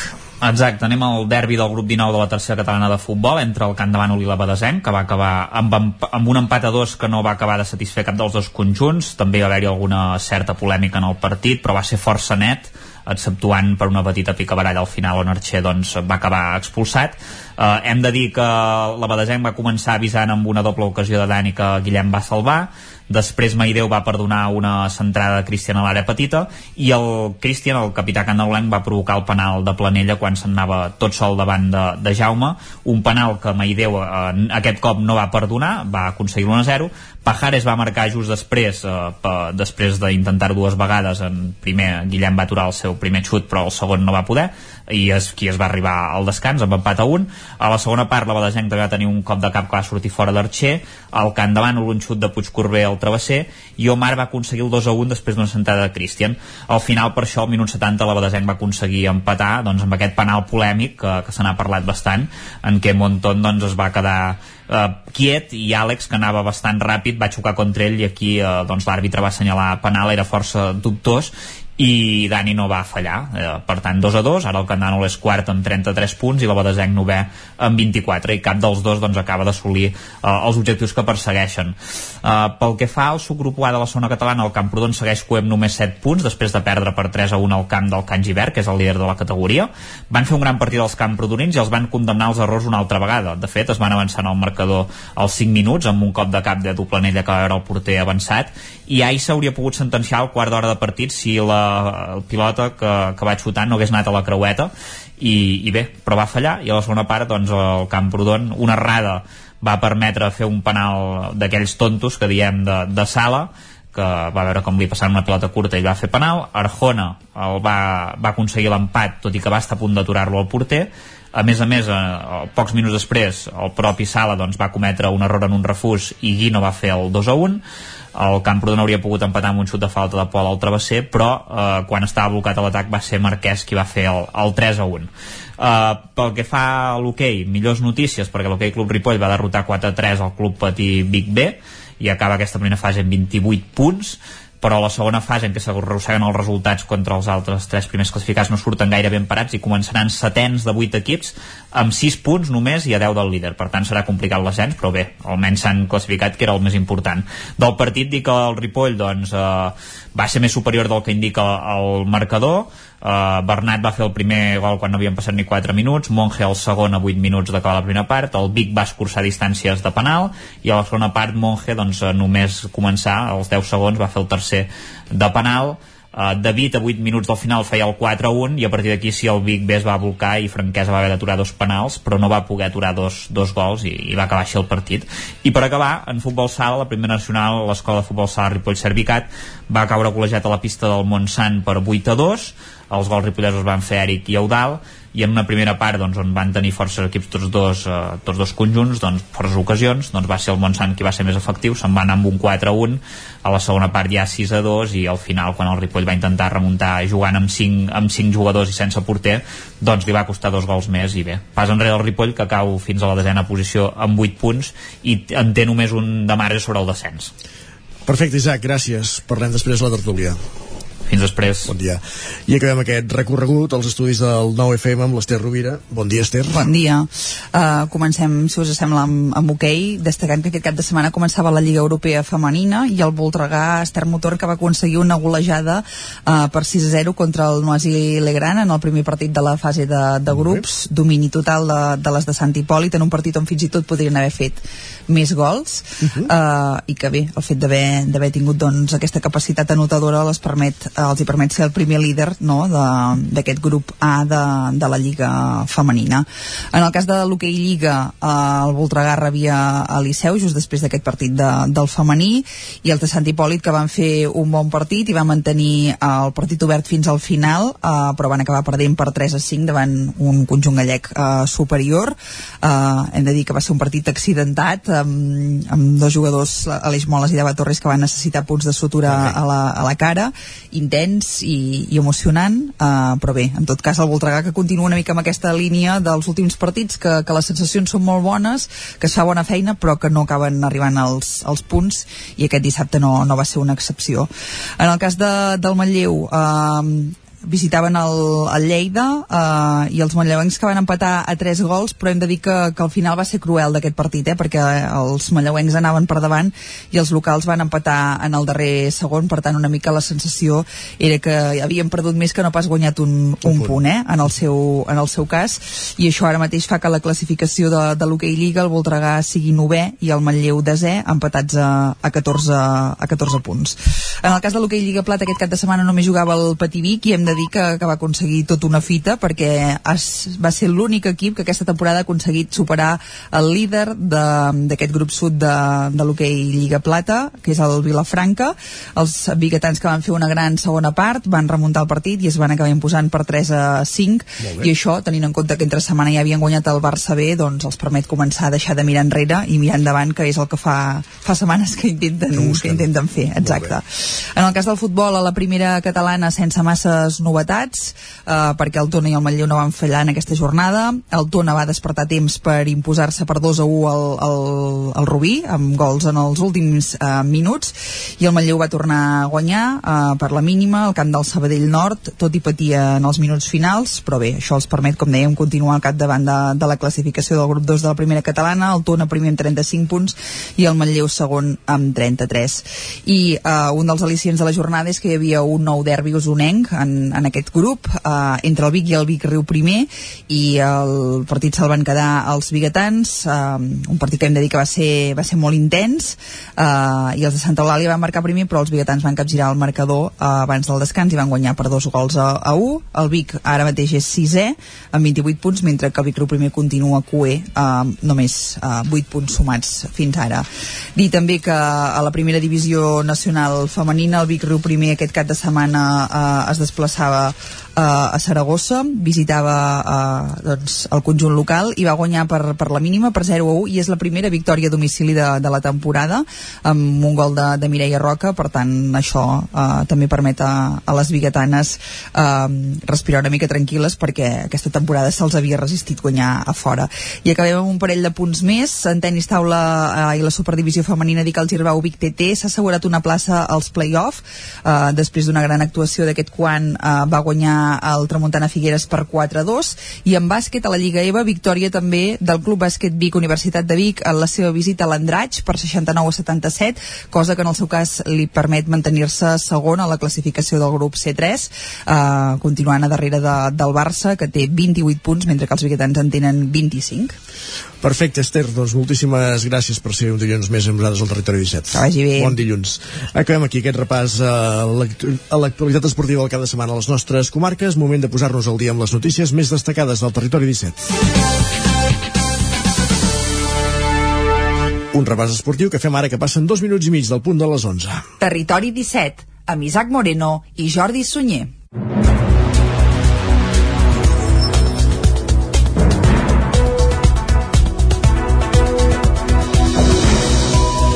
Govern espanyol aprovarà aquest dimarts l'eliminació de la mascareta obligatòria als espais exteriors, una mesura que serà efectiva a partir de dijous. El govern espanyol aprovarà demà dimarts l'eliminació de la mascareta obligatòria a l'exterior. La previsió és que el decret que elimini l'obligatorietat es publiqui al butlletí oficial de l'Estat de dimecres i entra en vigor l'endemà dijous. Sanitat ha convocat precisament per avui dilluns una reunió del Consell Interterritorial per tal de debatre aquesta decisió amb les comunitats autònomes. La ministra de Sanitat, Carolina Dàries, ha defensat que la mesura de fer obligatòria la mascareta ha servit per la contenció de la sisena onada i ha justificat justificat la decisió de treure-la ara per la millora dels indicadors. D'altra banda, Dàries també va avançar que el govern espanyol ha arribat a un acord amb la companyia AstraZeneca per la compra del seu medicament Evusheld, dirigit a persones immunodeprimides a qui les vacunes no els permeten assolir un bon grau de protecció. La previsió és que estigui disponible al llarg d'aquest mateix mes de febrer. Pel que fa a l'antiviral de Pfizer, va explicar que s'està a punt de finalitzar la part contractual i que es preveu que ben aviat també estigui disponible. Més qüestions. Continuen augmentant els municipis que recullen les escombraries amb el sistema de recollida porta a porta i aquesta setmana s'hi sumarà Sant Hipòlit de Voltregà. Els seus veïns de les Masies, però, s'ho miren amb recel i temen que al no fer una implantació conjunta als dos municipis, que en alguns punts comparteixen vorera, es generi turisme de deixalles. Sant Hipòlit de Voltregà ja ha començat a repartir els 3.000 cubells de recollida selectiva que permetran al municipi iniciar el sistema porta a porta a partir de demà dimarts.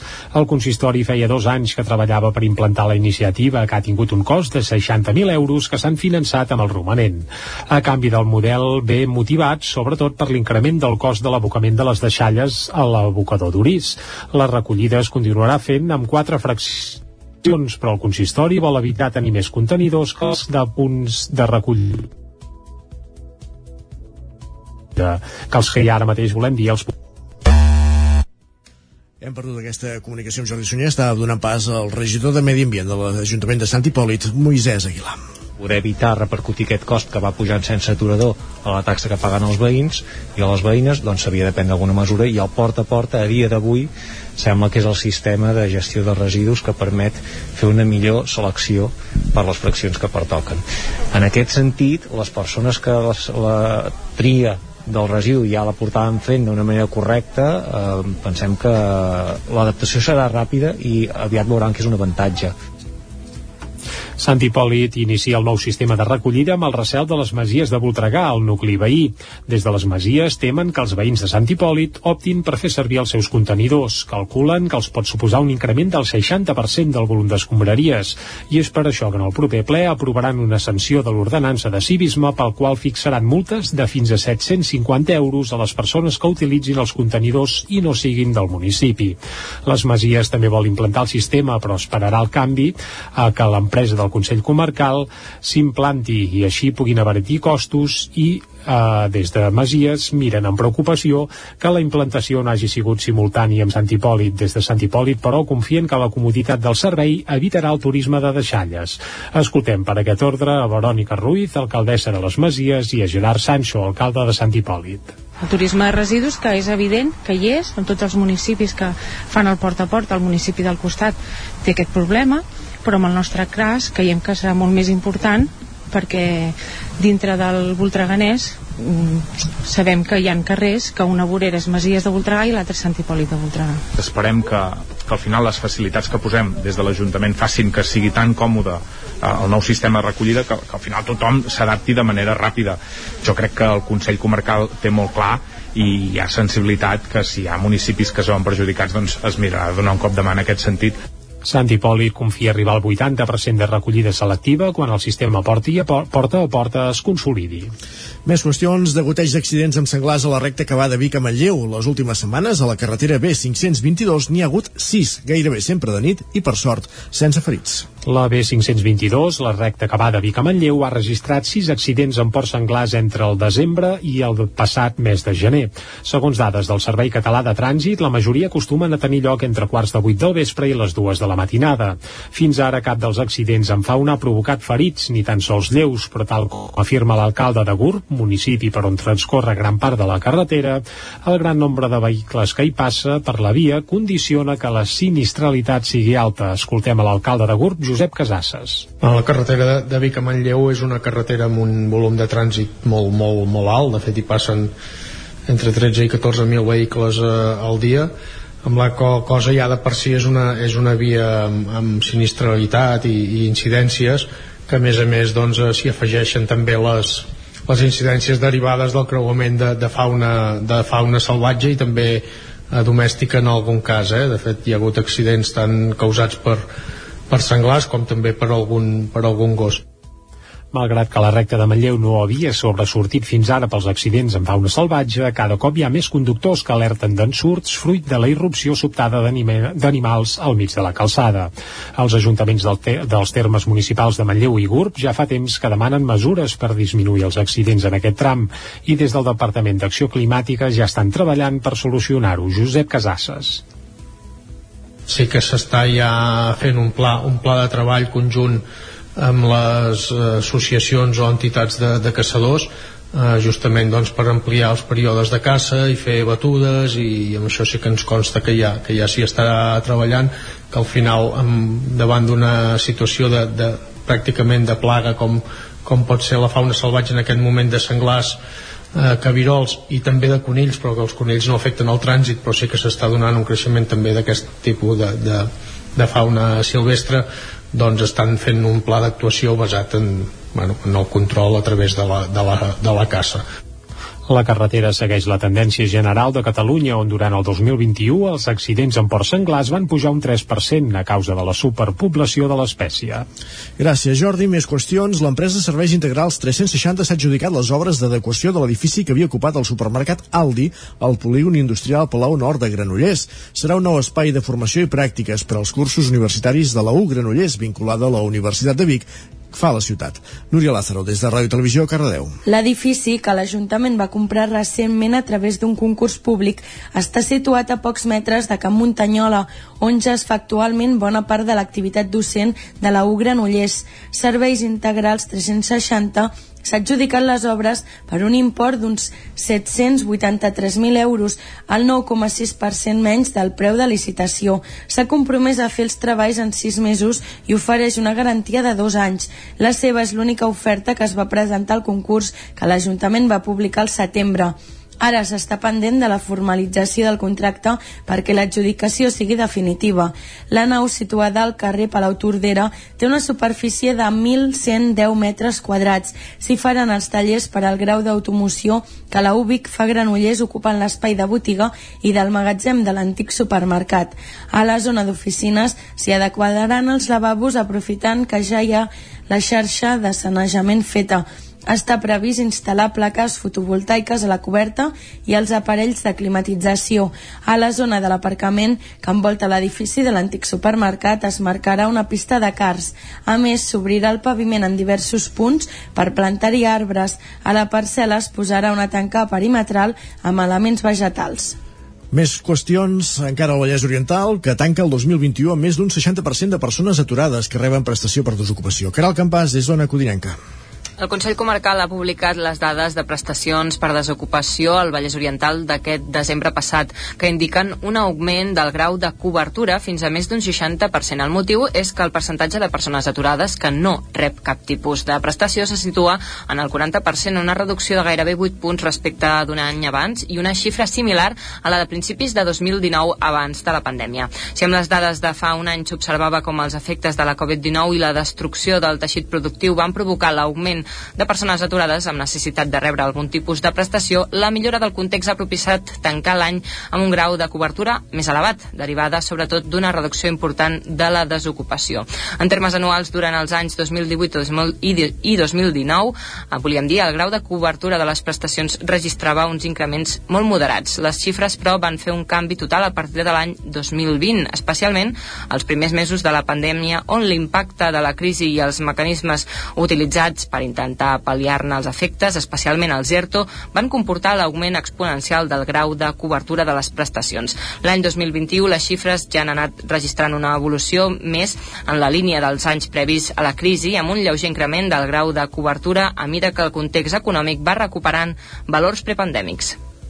Gràcies, Caral. Més, Caral, més qüestions i acabem amb la plana cultural del pianista ribetà i exmembre de Charango, Sergi Carbonell, treu el seu tercer disc en solitari. Es titula Ubuntu i està format íntegrament per temes instrumentals de tall clàssic. Isaac Muntades, des de la veu de Sant Joan. El pianista de Ribes de Freser, Sergi Carbonell, que va formar part de Charango, el grup de música Sant Joaní que va separar-se definitivament la passada tardor, ha seguit la seva carrera artística en solitari. El músic ribetà va presentar Ubuntu, el seu tercer disc en solitari, amb 13 temes instrumentals que van sortir a la llum llum la matinada del passat dilluns 31 de gener. Ubuntu és un mot d'origen sud-africà forjat per Nelson Mandela, que parteix d'una espècie de regla ètica i que es traduiria com el jo sóc perquè nosaltres som. Carbonell explicava el perquè d'aquest nom. I era una mica per reivindicar la col·lectivitat, la comunitat, que segurament en aquests temps que estem vivint més que mai és necessari reivindicar aquests valors i posar-los sobre la taula. No? Aleshores a mi em servia per això, també a diferents nivells, eh? ja no només a un nivell més polític o social d'organització, sinó fins i tot a un nivell més espiritual, no? per dir-ho d'alguna manera, aquesta sensació de que formem part d'una mateixa cosa i que aquesta humanitat al final estem navegant junts. Quan tocava amb Charango, Carbonell ja havia editat, gràcies a un micromecenatge, un disc de piano sol titulat Sota la pell l'any 2013.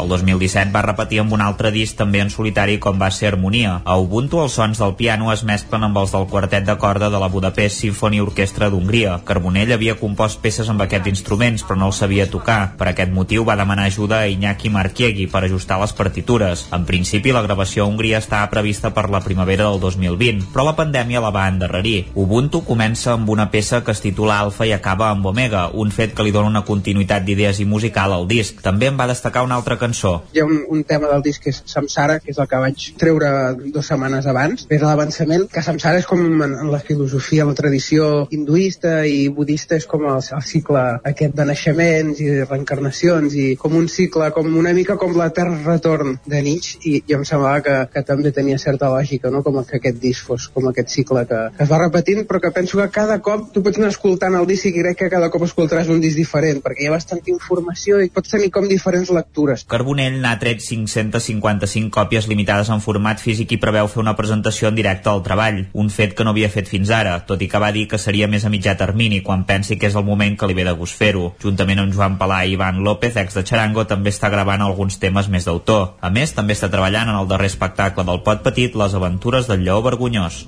Gràcies, Isaac. Aquí aquest repàs informatiu que començàvem a les 11, en companyia, com dèiem, d'Isaac Muntades, Jordi Sunyer, Núria Lázaro i Caral Campàs. Anem cap als solidaris.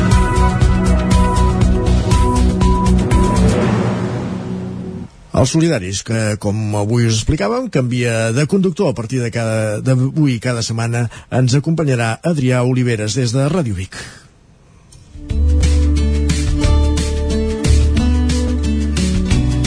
I avui Adrià Oliveres ens explica, ens porta la història del casal Claret, parlant amb un, la seva coordinadora, amb l'Anna Larios.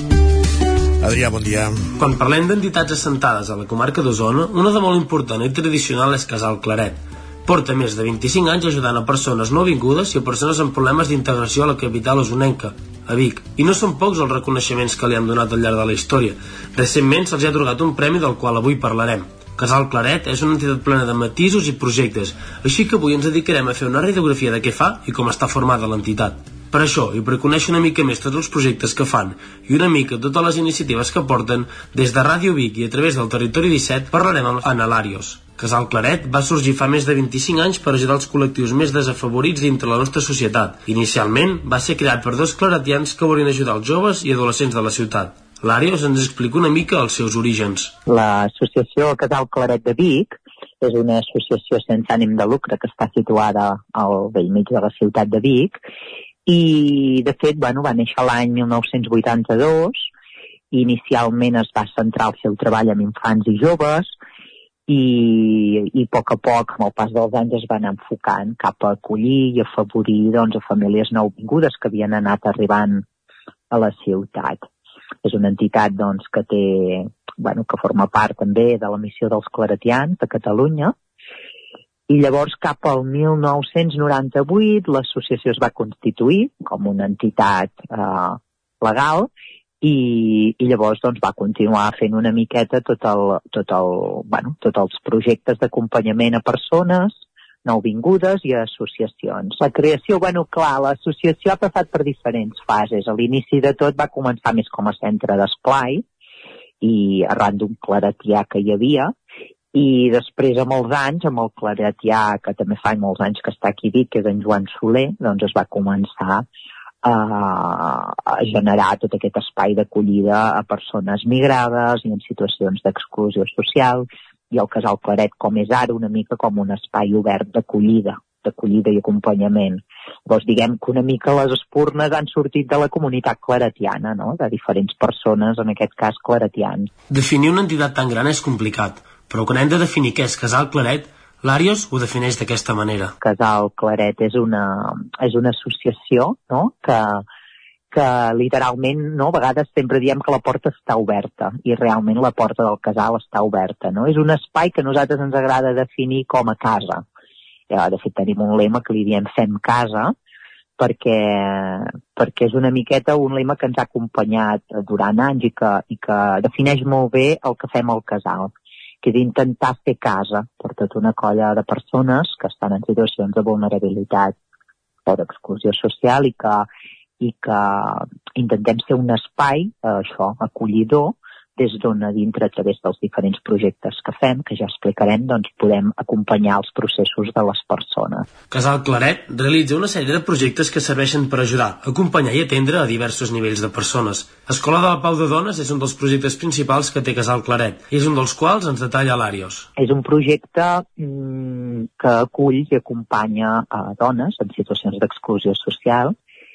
És un projecte d'acollida, d'acompanyament i d'empoderament de la dona Llavors, a través de diferents projectes, de diferents tallers, perdona, que oferim, i diferents espais de participació, doncs cada dona una mica, segons les seves necessitats que té, participa en el projecte i és acompanyada també d'una manera més personal o integral.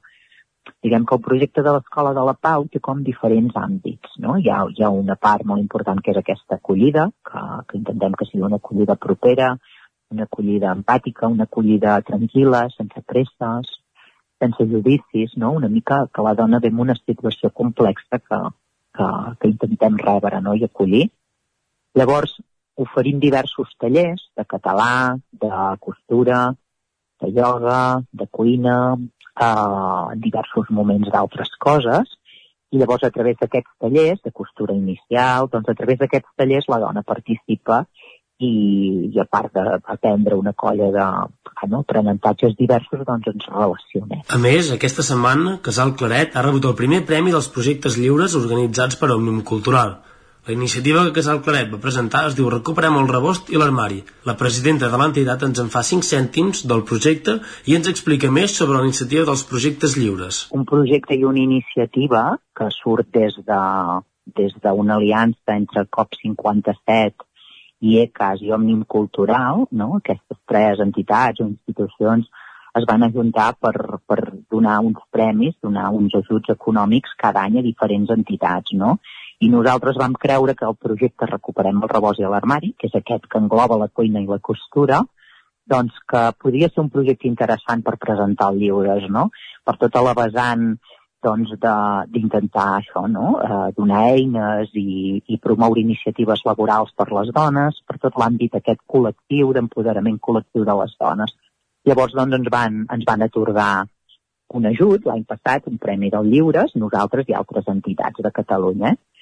I realment ha sigut molt interessant perquè el projecte Lliures és un projecte mmm, que penso que, que, que està intentant transformar des de la base no? i des de, des de, bueno, des de baix, diguéssim, no? i que això transforma, doncs, llavors altres coses, no? I, la, i ajuda contribueix a la societat. Per mi el, el projecte Lliures és molt interessant. L'últim projecte que té entre mans Casal Claret és l'Escola de la Pau, on tracten infants i adolescents. És una iniciativa semblant a la de les dones, però que en aquest cas es centra en ajudar joves que no tenen accés a serveis. L'escola de la Pau amb infants i adolescents es fa una mica doncs, el mateix que amb dones, van néixer junts, no? I, i es va crear doncs, l'Escola de la Pau amb infants i adolescents amb l'objectiu de poder acollir no? I, i, i fer un projecte socioeducatiu per a aquells nens i nenes i adolescents que, que sovint no tenen accés a, a, a serveis, no? a activitats extraescolars, de lleure, a suport escolar, no? i llavors una mica el projecte el projecte intenta i, i de fet bueno, treballa per, per la igualtat d'oportunitats no? i perquè tots aquests infants adolescents doncs, puguin tenir les mateixes oportunitats i per tant també un futur més igual no? I, i, i puguin millorar i sobretot amb el tema escolar doncs, a intentar contribuir amb l'escola i donant amb les famílies una mica més de, de, de l'èxit escolar, no? Tots sabem que a l'ESO hi ha un, un fracàs escolar important i llavors eh, aquest projecte doncs, acompanya a infants adolescents. Per una banda hi ha reforç escolar i suport en habilitat i els deures, de matèries concretes amb adolescents, també llavors amb els infants o els, els de primària doncs és més hàbits d'estudi i llavors s'articulen tot de tallers i activitats més lúdiques no? i també educatives. Per exemple, un taller de musicoteràpia un espai de lectoescriptura pels més petitons a partir de primer, segon, uh, perquè ja s'observen doncs, algunes dificultats que fa que no tinguin doncs, ja un nivell no? uh, prou, prou, bueno, prou el necessari per poder continuar avançant.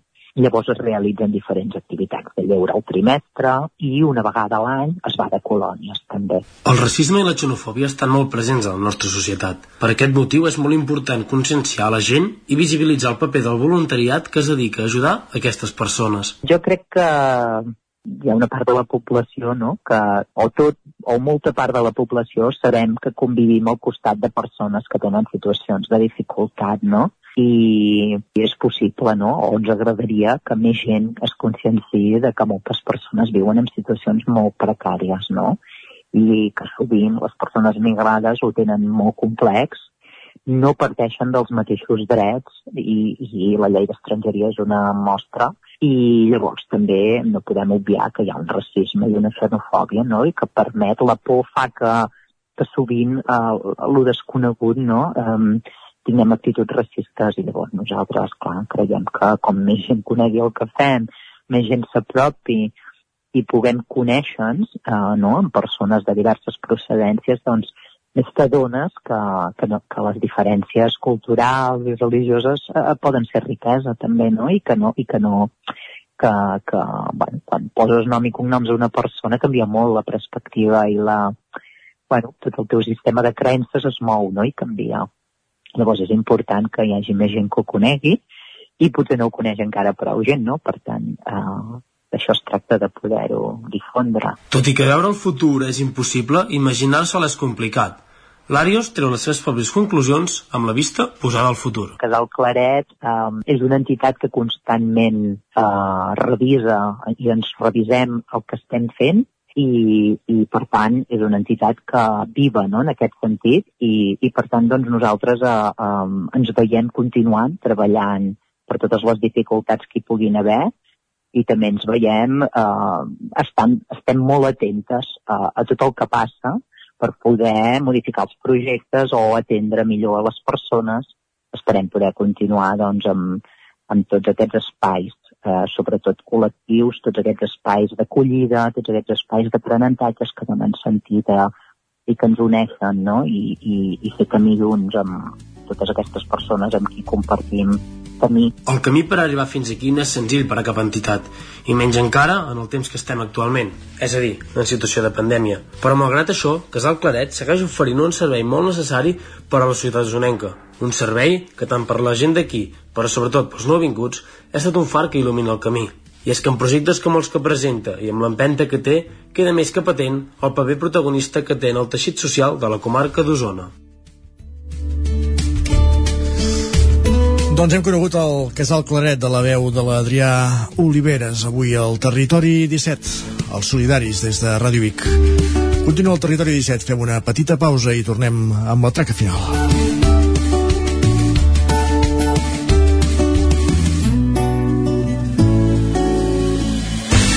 El nou FM, la ràdio de casa, al 92.8. Fa que no menges pluma ibèrica de Salamanca i xuletilles de lechal a la brasa amb una bona amanida? Oh, i un xuletón de vedella gallega?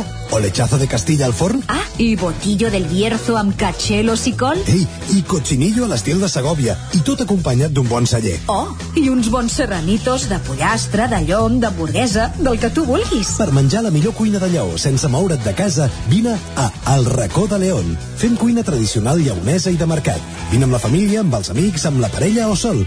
T'encantarà. El racó de León. Som al carrer Torelló 35 de Vic. Reserves 93 889 1950. Tanquem els dimarts. El racó de León. Vine a tastar una cuina diferent. Del 8 al 13 de febrer arriba el 24è Cau de Bruixes de Centelles, una festa per tots els públics que gira al voltant de la tradició de les bruixes, l'esoterisme o la màgia, amb espectacles al carrer, un mercat màgic, conferències, música i tallers. Vine a descobrir qui és la nova bruixa de l'any al Cau de Bruixes de Centelles. Més informació a centelles.cat barra Cau de Bruixes.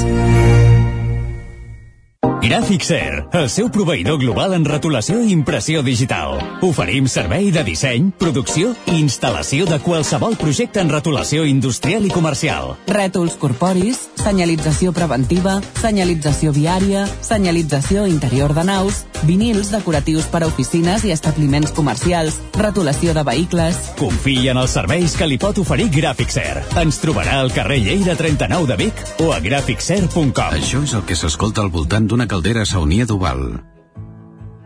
Tranquilitat i benestar, perquè gaudeix del millor manteniment del servei tècnic oficial per estar despreocupat.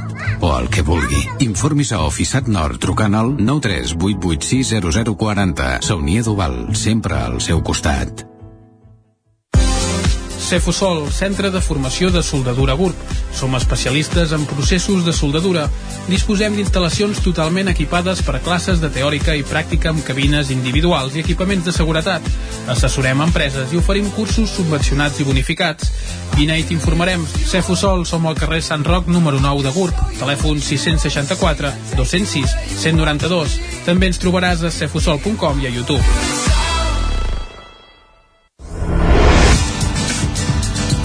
El nou FM. Anuncia't al nou FM. La màquina de casa. 9 3 8 8 9 4 9 4 9. Publicitat arroba al nou FM.cat. Anuncia't al nou FM. La publicitat més eficaç.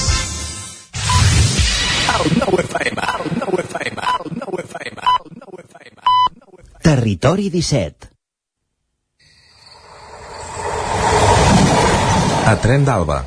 Cada dia els usuaris de la línia R3 de Rodalies que veuen sortir el sol des d'un vagó ens expliquen les gràcies i les penes del primer comboi que uneix Ripoll i Barcelona.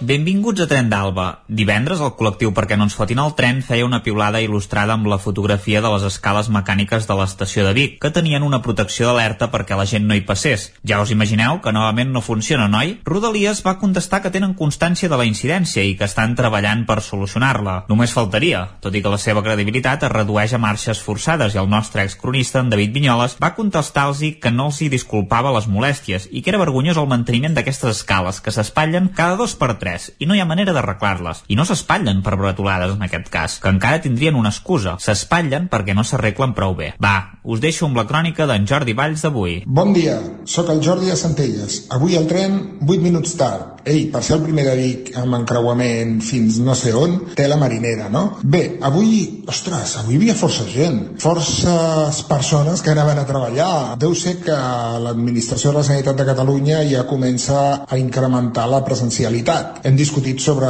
si servia o molt el tema de la presencialitat, però bé, és com ho tenim muntat. Com divendres va ser el dia contra el càncer, un dels temes ha estat parlar de família, de gent coneguda que ho ha patit. Tela.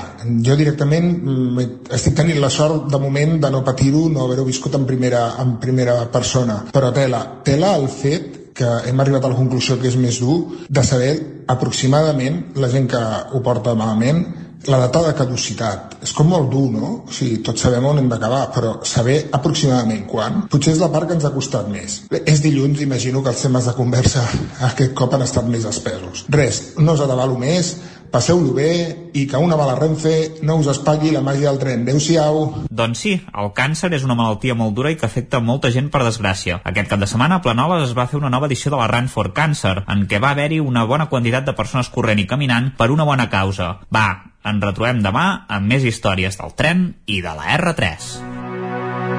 Territori 17. El nou FM, la veu de Sant Joan, Ona Codinenca, Ràdio Cardedeu. Territori 17.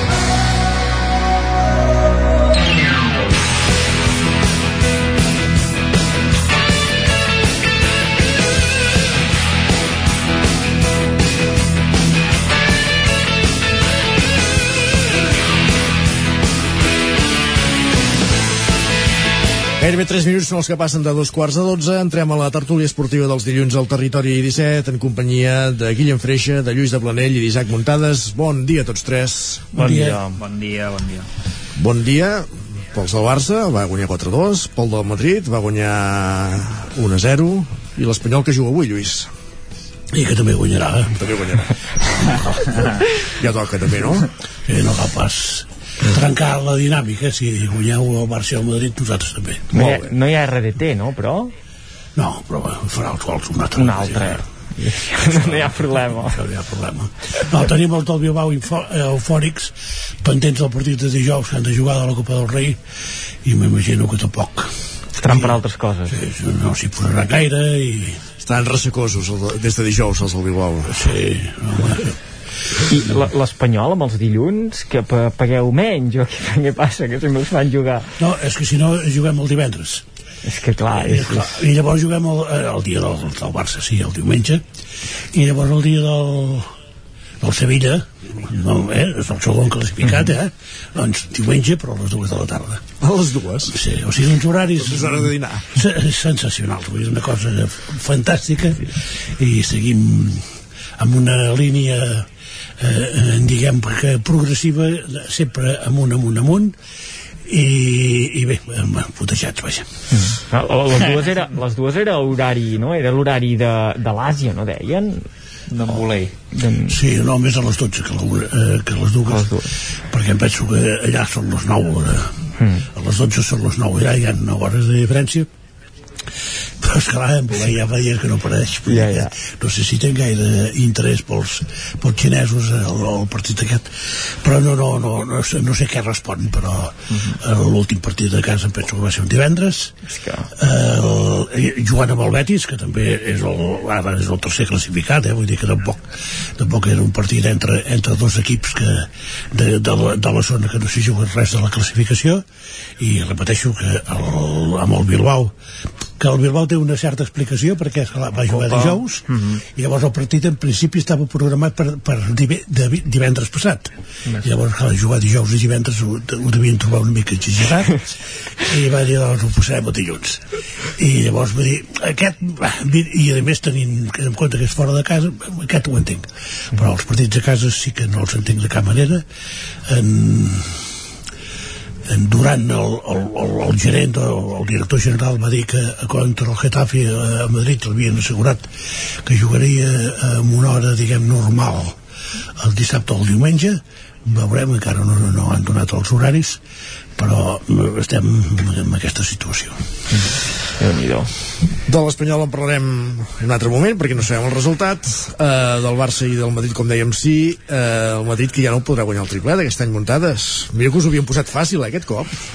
Sí, podrà guanyar el triplet de Supercopa, Ja, Lliga ja, i ja, Champions.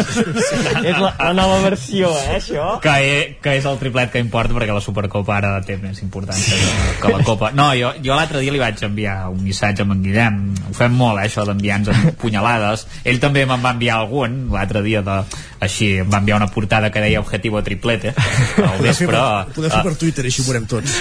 Sí, a dos quarts de dos quarts de 12 de la nit m'ho va enviar, va ser trempat, Va, no va es va esperar ni al matí.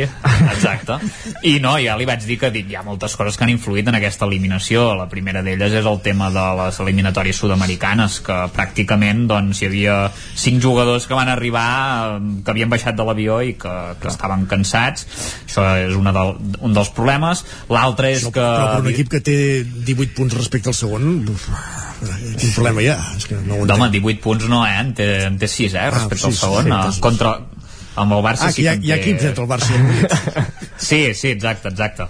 No, no, però que vull dir que, clar, heu de pensar això, no? Això que us comentava, i, i després el Cancelotti amb alguns jugadors no hi acaba de confiar, ahir, ahir tampoc, per exemple, no va jugar a Hazard fins a la segona part, quan en principi hauria de ser titular, en Bale no hi confia, Ceballos tampoc, i llavors eh, va, va llançar-ho com una mica, eh? va ser allò d'un partit de mandra de veure si, bueno, si guanyem bé i si, i si no, pues, pues no i mira, va sortir, va sortir creu no passa res, eh, està bé. També, també és el que vaig dir un dia, que aquesta eliminatòria vaig dir que els vuitens de final no calia que fos anar i tornar, però els quarts jo sí que havia dit, si us en recordeu fa Sí, uns sí, dies quasi. que sí que que, que sí que m'agradaria que hi hagués anada i tornada Mm. precisament per això.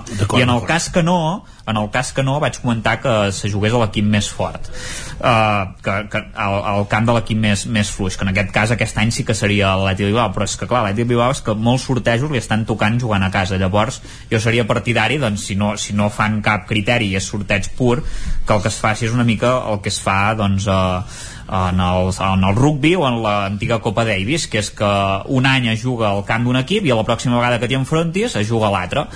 I, i d'aquesta manera es compensa. Per exemple aquest any el Barça que ha jugat al Camp Nou contra l'Atlètic de Bilbao. Seria una manera de, de compensar-ho, però bueno, és igual.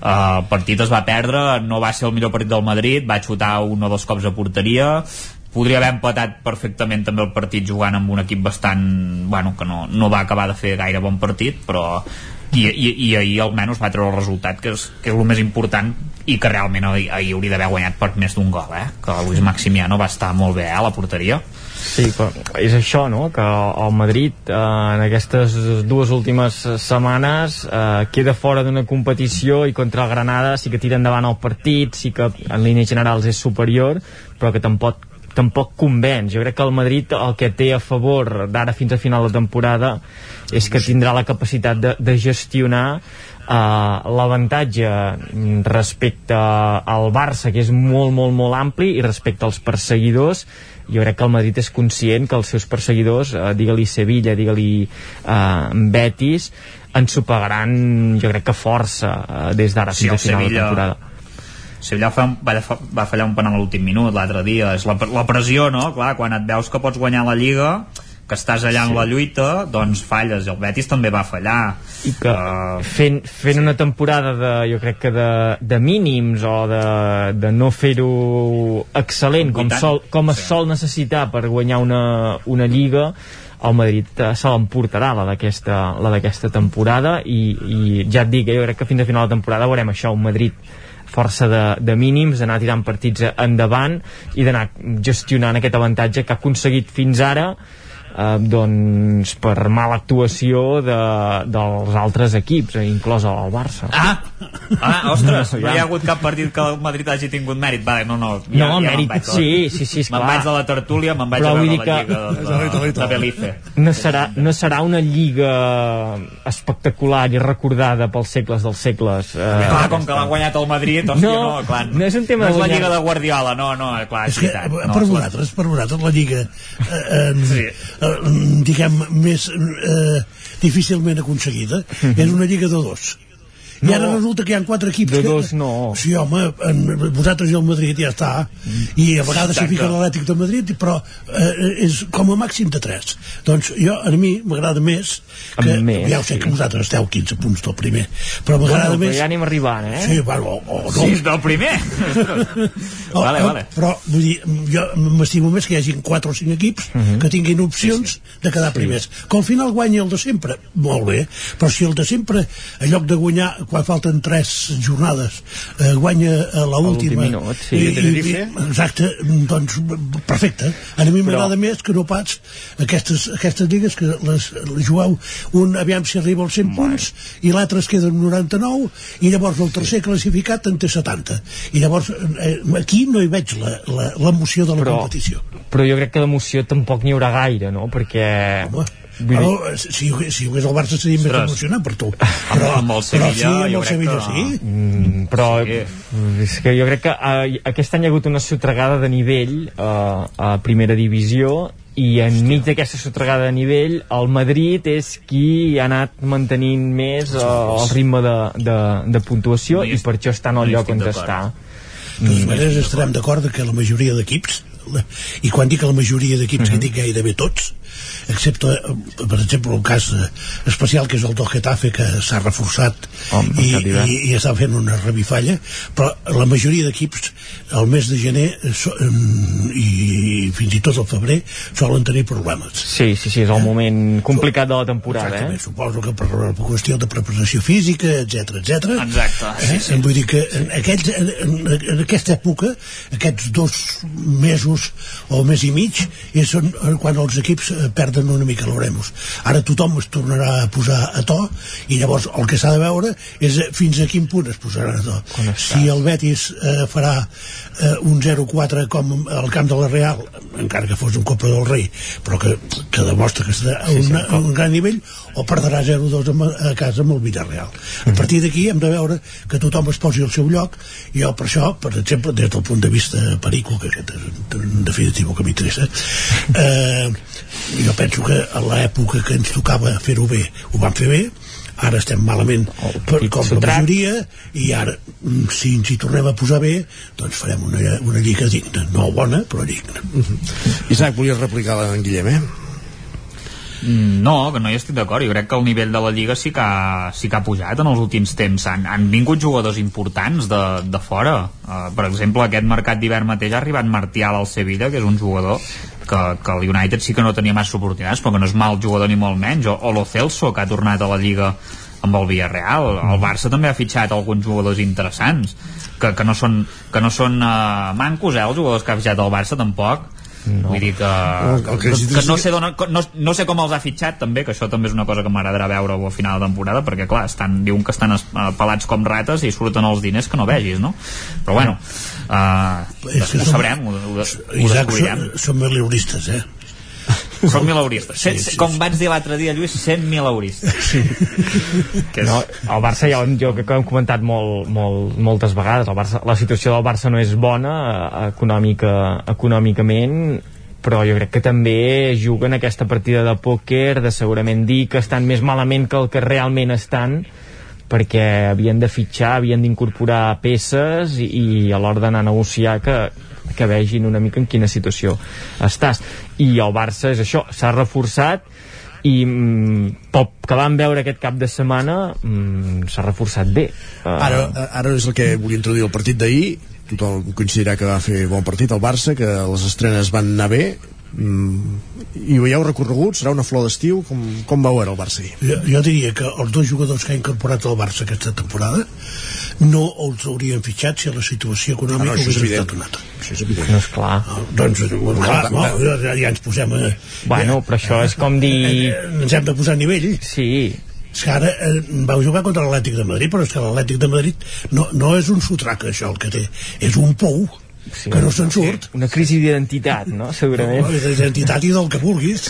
Però esclar, vull dir, mm, jo diria que en, en Simeone és conscient de que eh, quan arribi el, el 30 de juny en teoria, quan s'acaba la temporada doncs haurà de fer un pensament i potser anar-se'n un parell d'anys de vacances i ja tornarà eh, a entrenar quan, quan li convingui.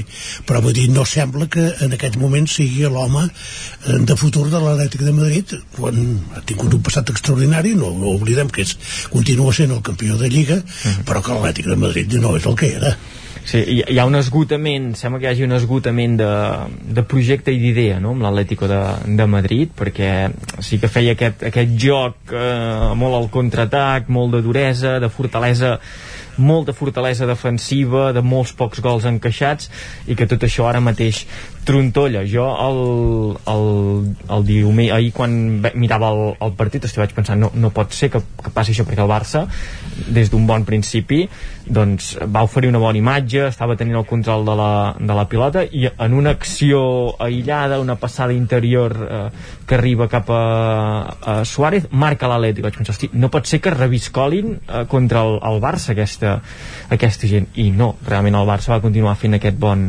aquest bon partit. Jo no m'atreveixo a dir ni, ni, ni ho diré que això és un punt d'inflexió que ara sí que anem amunt, que això ja està solucionat, que en Xavi ha trobat la tecla per fer-ho funcionar tot, això no, no ho diré perquè segurament series agosarat sí, i d'aquí unes setmanes Isaac Muntades em trauria el tall eh, dient que, que, que... no, i, i et recordo que de diumenge jugueu. també, també, sí, que hi ha, un, hi ha un partit complicat sí. uh, sí. però, però bueno, l'aficionat del Barça crec que va tornar a disfrutar um, jo feia temps que no disfrutava amb el Barça i que no m'ho passava bé veient un partit, més enllà del resultat eh, que pot semblar avantatgit si és que que vau guanyar vas, vas disfrutar és, és evident, però vull dir amb el joc doncs també vaig, vaig disfrutar la primera part eh, molt a la segona meitat doncs potser no tant però el partit ja estava força encarrilat.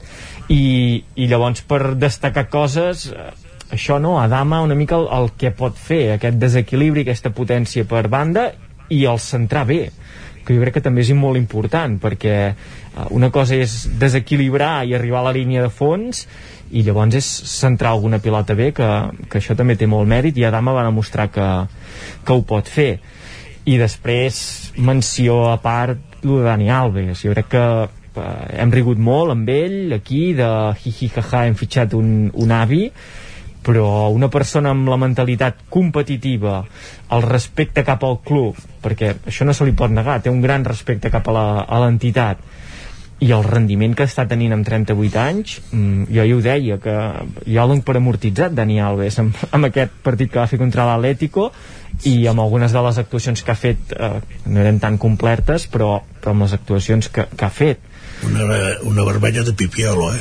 Sí, jo crec que ell allà és conscient que se li va la cama i que no, no, no hauria d'haver fet, però... Sí, héroe i villano. Bé, no, però és, el que dèiem eh, i el que també explicaven en, en els anàlisis posteriors que has de comprar el pack amb Dani Alves.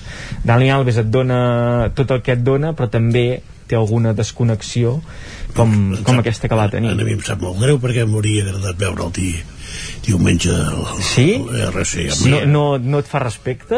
Sí, Veure- sí, més, més respecte em fa, doncs, eh, si és eh, per la banda d'en Pedrosa, que no, no, no el veuria ni passar. Qui no hauria passat aquí? Home, sisplau. En Dani Alves no hauria passat en Pedrosa? Home, per, per favor. Mm. Eh, eh, Home, en Pedrosa va ràpid com una moto, eh? Se- S'hauria de mirar eh, per la tele com passa. No, home, no, no, no. Però el de les motos. Sí, exacte. Sí, clar.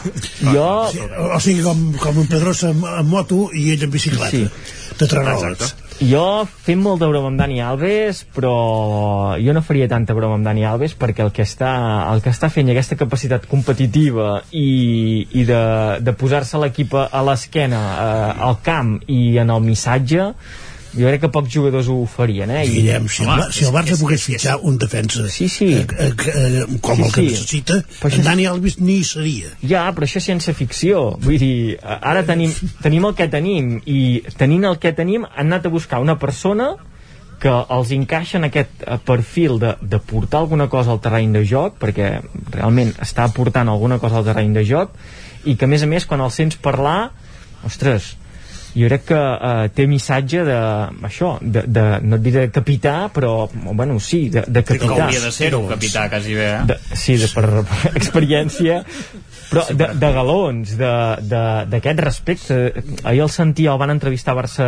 TV i ell deia això, deia hem de demostrar que que som del Barça, però no només quan hi han rues i quan guanyem títols, sinó que en els moments complicats doncs també hem de demostrar que som el, el Barça i que no podem anar eh, a fer el ridícul pels llocs. Té un bon discurs, un bon discurs. Aquest. Bueno, però és important. Una altra cosa si té futbol encara, però un discurs el té. Bueno, Dani Alves té en ment el, el Mundial, el proper Mundial. Ja, ja. Mm, clar, eh, amb el Barça potser sí que el pot enganyar, però eh, realment també enganyarà la, a, la, a la Confederació Brasilera perquè no el seleccionin. És que no sé com ho tenen els Bueno. brasilers tampoc, eh? Bueno, Brasil segur que té algun jugador que podria portar al Mundial i segueixen confiant en, en Dani Alves en, en els moments importants. No, això ja ho van dir quan ho va fitxar. Dani Alves és un bon element al vestidor. Això és, Totalment. és, és molt important per, per mantenir una certa cohesió. Una altra cosa és que en el vestidor en aquests moments també hi ha senyors com en Dembélé que Sí. ja no sé si estan en, Està sentenciat Dembélé després del partit d'ahir. Suposo. Bueno, en Xavi va dir que el volia fer jugar, que si el partit no hagués anat com és, va anar... és que ara ja no jugarà per, per, per mèrits dels altres. És un recurs que tens allà sempre i ja està, fins Sí. al juny i avall. Jo diria que fora de casa el, el traurà algun, per, algun partit Per la pressió del públic, també. perquè esclar, és que si treus un jugador teu i el teu públic te'l xiula cada vegada que agafa la pilota no Bueno, sé, no sé com aquí diria. tornem a estar amb lo de l'actitud. Veurem quina actitud eh, té davant d'això. Jo mm, per, pel que he anat veient no crec que sigui una actitud de, de voler fer-se perdonar diguem-ne o de voler-se reconciliar. Um, hi haurien jugadors que serien xiulats però al camp amb actuacions intentarien això, reconciliar-se. Amb Dembélé mm, no... per cert, reconciliar-se en, en Jordi Alba tampoc ho va voler fer ella no? sí. quan va celebrar el gol no era pas una imatge eh, diguem reconciliadora o d'externalitzar una tensió és que clar, els jugadors de futbol són persones també i... ja, ja, però ara estem parlant d'això Mm. d'això Sí. altre eh? de, de fer-se perdonar si has fet alguna cosa Bueno, ell és conscient que ha rebut molt, que ha sigut un dels blancs de les crítiques als últims temps, i jo crec que després del gol que va fer, doncs, entre que va ser un golàs i tot el que portava carregat que eh, moltes vegades amb raó eh, perquè Jordi Alba també ha liat alguna traca que, que déu nhi doncs Home, ho va 5 minuts abans del 5 minuts abans del seu gol, Guillem, no? Ell no va ser el Sí, que va entre, una entre mica, ell i no? Piqué, no? Em sembla que Sí. un per l'altre no... I la Una casa mica- sin barrer, que diríem, eh? Mm, sí. clar, ho va externalitzar. Jo crec que tothom que hagi fet esport, eh, futbol o un esport on hi ha gols, eh, si passa un mal moment i marca un gol o transforma un triple a l'últim segon, el que sigui, hi ha aquesta externalització de ràbia. Jo tampoc ho trauria més enllà de- d'aquí, ni ho posaria en l'extrem de, de Dembélé. Diumenge a les 9 del vespre, Espanyol-Barça, aquest cop sí que jugueu a una hora que toca. Eh, a la primera volta el, els dos equips arribaven molt més igualats ara sí que el Barça ja té més avantatge respecte a l'Espanyol mm, què, què pot passar? Què va passar a la primera volta? Vull dir, de... el, el penal aquell famós, sí, sí. sí, sí. Sempre robant. Sí, exacte.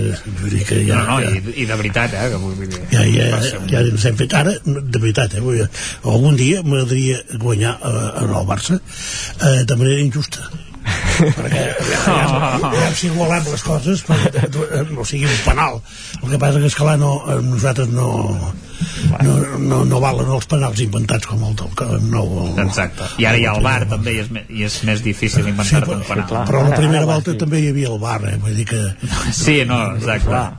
L'àrbitre del bar era el bar quan va veure Sí. la, la jugada aquella vull dir que Exacte, el bar amb B alta. Exacte, i llavors, esclar, si el Sí, sí. allà fent copes i, i no mires la tele, no. llavors passa el que passa. Passa el que no, passa. no, jo crec que no eh, o sigui, tenint en compte que venim d'un molt bon partit del Barça Això m'agrada més. Del Això- Barça. que vinguem, Això m'agrada més. que vinguem d'un partit bo Oh, i tant, home. Perquè, home, ja, Estem relaxats. Sí, ara, ara ja són bons i llavors per, per, Ara ja guanyar, perquè, per guanyar en aquesta colla pots comptar Però sí, ja està sí que és veritat que és un escenari mm, poc còmode no? uh, per, al, per al Barça en el, en el Però sentit no hi ha que guanyat, no hi ha guanyat mai l'Espanyol amb el Barça allà, eh? Sí, sí. Amb Lliga. però sempre és un clima hostil, eh, sempre és un partit eh, especialment motivador per, per tota la gent de, de l'Espanyol i més quan juguen al, al seu terreny de joc i el Barça, aviam si és capaç d'igualar aquesta, I a més, heu de tenir en compte també que l'arribada a Cornellà va ser un, un, diguem, un esclat d'alegria pels, pels pericos, però immediatament va arribar eh, acompanyada d'una crisi econòmica mm, galopant. Va ser molt difícil eh, si no arriba a haver-hi un senyor que compra les accions del club eh, segurament que ja no hi seríem perquè la situació era autènticament dramàtica en Dani Sánchez Llibre va ser un president que, que, que, que sent els colors, que és perico al 100% i que és un gran empresari però que no va saber gestionar eh, la compra d'uns terrenys i la construcció d'un camp perquè al principi ens va dir que amb el centre comercial que hi hauria al costat l'Espanyol no hauria de pagar ni un duro o ni un euro Sí. pel camp aquestes declaracions les va fer ell. I llavors va resultar que, que van haver de demanar un crèdit d'aquests sindicats d'uns quants milions d'euros eh, crèdit que no podien atendre que van anar allargant, van anar fent terminis eh, més llargs i llavors vull dir que mm, la, la situació en aquells moments la, des de l'arribada mm, jo diria que el segon any de, o sigui des de l'11 fins, fins pràcticament ara la situació econòmica ha estat molt delicada. En aquests moments eh, jo diria que els pericos som l'equip potser més, més sanejat de la Lliga Espanyola. Vull dir que la, la situació eh, econòmica ha canviat molt també la del Barça i llavors potser hi ha una mica més d'igualtat. De totes maneres els diners que eh, ha posat el, el, el nostre amo eh, eh, el nostre president eh, han estat més per, per, per pagar deutes que no pas en el camp. bon equip, no? ara, ara sembla que a partir d'aquí les coses podrien anar diferents Mhm. i els fitxatges de, de, en la finestra de- d'estiu podrien ser ja per, per reforçar l'equip i anar una mica més endavant Bueno, i mantenir peces, no? que ha sigut sempre potser la gran, el gran llast de, de Aviam, si algú paga 70 milions d'euros Ja, bueno. que és la, la clàusula 75 que és la clàusula de l'RRT hi posarem un llacet i allà, allà on vulgui. Però no que se te'n vagin al Betis, per exemple, no? Com, com el cas de Borja Iglesias o com han hagut sí. casos que, de jugadors que acaben marxant equips de, de la zona més o menys de l'Espanyol, acaben... De totes maneres, Borja Iglesias 22 milions ja, ja, ja. d'euros també és una bona venda però... eh, tenint en compte que devia costar la meitat eh? ja, ja, ja. Bueno, aquí el... ho recordo eh, que per exemple un equip que, ve, que ven molt i, i va molt bé, que és el Sevilla mm. segon classificat i ven jugadors sí, sí. que, que, que s'ha inventat ells Totalment. i, i se'n surt bé eh? Mm -hmm. Doncs en parlarem dilluns que ve d'aquest derbi i també de, del partit de, del Madrid que juga dissabte a la tarda contra el Villarreal. Gràcies a tots tres. Guillem Freixa, Lluís de Planell i Isaac Montades. Bon dia. Bon dia. Acabem també el territori 17 d'aquest dilluns 7 de febrer. Us hem acompanyat des de les 9 del matí Pepa Costa, Guillem Sánchez, Miquel R, Òscar Muñoz, Caral Campàs, Esther Rovira, Núria Lázaro, Adrià Oliveres, Isaac Muntades, Guillem Freixa, Lluís de Planell, Jordi Sunyer i Isaac Moreno. I tornem demà, a partir de les 9 del matí, aquí al Territori 17. Bon dia. Territori 17, un magazín del nou FM. La veu de Sant Joan, Ona Codinenca i Ràdio Cardedeu amb el suport de la xarxa. El nou FM.